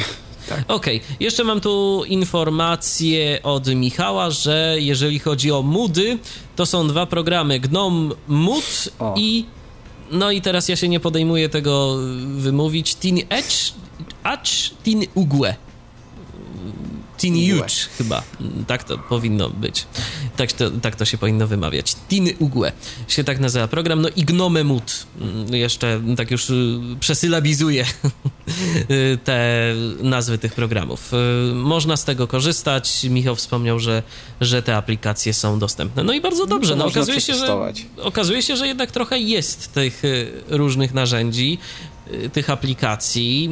Jeżeli ktoś by chciał korzystać z Linuxa, Tomku, tak y, zapytam, ale tak szczerze, y, powiedzmy byłaby sytuacja, y, no nie masz Windowsa, coś tam się stało, musisz sobie zainstalować, y, musisz sobie zainstalować Linuxa, wystarczałby ci ten system, czy brakowałoby Szczerze, ci ma czegoś? być szczera odpowiedź, nie wystarczą. A czego by ci brakowało? Oprócz aplikacji do dźwięku, No. o których po- wspomnieliśmy na samym początku. E, oprócz aplikacji do dźwięku, no właśnie nie wiem, czy na przykład jakiejś dobrej, e, no Skype'a chociażby, Dostępnego. dostępnego, tak, gier, w które ja mimo wszystko jakoś tam gram, symulatory, nie symulatory, jakoś tam się tym interesuję. No jakieś aplikacje, które są tylko i wyłącznie na Windowsa i średnio się da znaleźć jakiś ich odpowiednik. Teraz akurat jak na złość nie mam, nie mogę żadnej jeszcze przy, przytoczyć oprócz gier, no ale są takie. No No są takie, tutaj- są takie zapewne aplikacje, no takie jak ja na przykład korzystając z programu Merlist. To też No, z programu. Merlist na przykład korzystam, e, programu do emisji, no i miałbym, wydaje mi się, że miałbym problem, bo kiedyś próbowałem się gdzieś tam bawić e, aplikacjami do emisji na Linuxa, no ale to jeszcze niestety nie jest to, aczkolwiek miejmy nadzieję, że będzie. My trzymamy kciuki za rozwój y, Linuxa, za środowisko, które mm, pracuje nad dostępnością tego systemu. I naprawdę fajnie, że to robicie, bo po prostu to nie jest tak, że my tu teraz mówimy, że ten Linux to się do niczego nie nadaje. Bo ja, ja słyszałem takie, ja słyszałem takie opinie właśnie też, że a tam ten Linux to krążą, tak. To Tak, jest po tam- co, skoro jest Windows. po co skoro jest Windows, a ten Linux w ogóle to tam... nie, nie warto. Nie warto, w ogóle, nie warto, no, nie warto testować, po co, po co to w ogóle nie ma sensu. No, to nie jest do końca tak, bo im więcej możliwości, im więcej ludzi pracuje nad różnymi alternatywnymi rozwiązaniami, no to my mamy wybór. Tak jak osoby widzące mogą sobie zdecydować, czy one chcą korzystać z Windowsa, czy chcą korzystać z Linuxa, czy chcą korzystać z systemów Apple'a, z SX-a, no to my też mamy ten wybór. Mm, możemy korzystać z tego, możemy korzystać z tego i jeszcze z czegoś innego. Gdyby wszystkie aplikacje na Linuxa okazały się tak nagle być dostępnymi, bo ktoś tam zaimplementował taką technologię albo jakiś taki mostek, mm, co prędzej czy później być może może się zdarzyć, y, bo to jest jednak open source, więc y, podejrzewam, że to jest kwestia tylko tego, że ktoś na ten pomysł wpadł. No to może się okazać, że to, by, że to będzie najbardziej dostępny system dla nas. No, na razie jest z tym tak sobie, ale, ale. Ale idzie w dobrą stronę. I na przykład do, do, takiego, do czegoś takiego, jak używa Michał, czyli y, do szkolnych rozwiązań, taki to właśnie dodatnik szkolny, typu jakiś internet, y, pisanie czegoś, przeglądanie tekstu i tak dalej, to nie wiem, czy kiedyś właśnie nie zrobię takiego eksperymentu i też się nie przesiądę na Linuxa w szkole.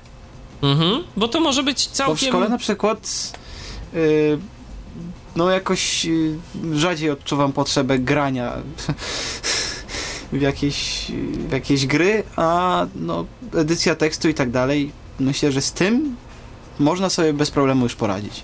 Dokładnie, zwłaszcza w trybie tekstowym.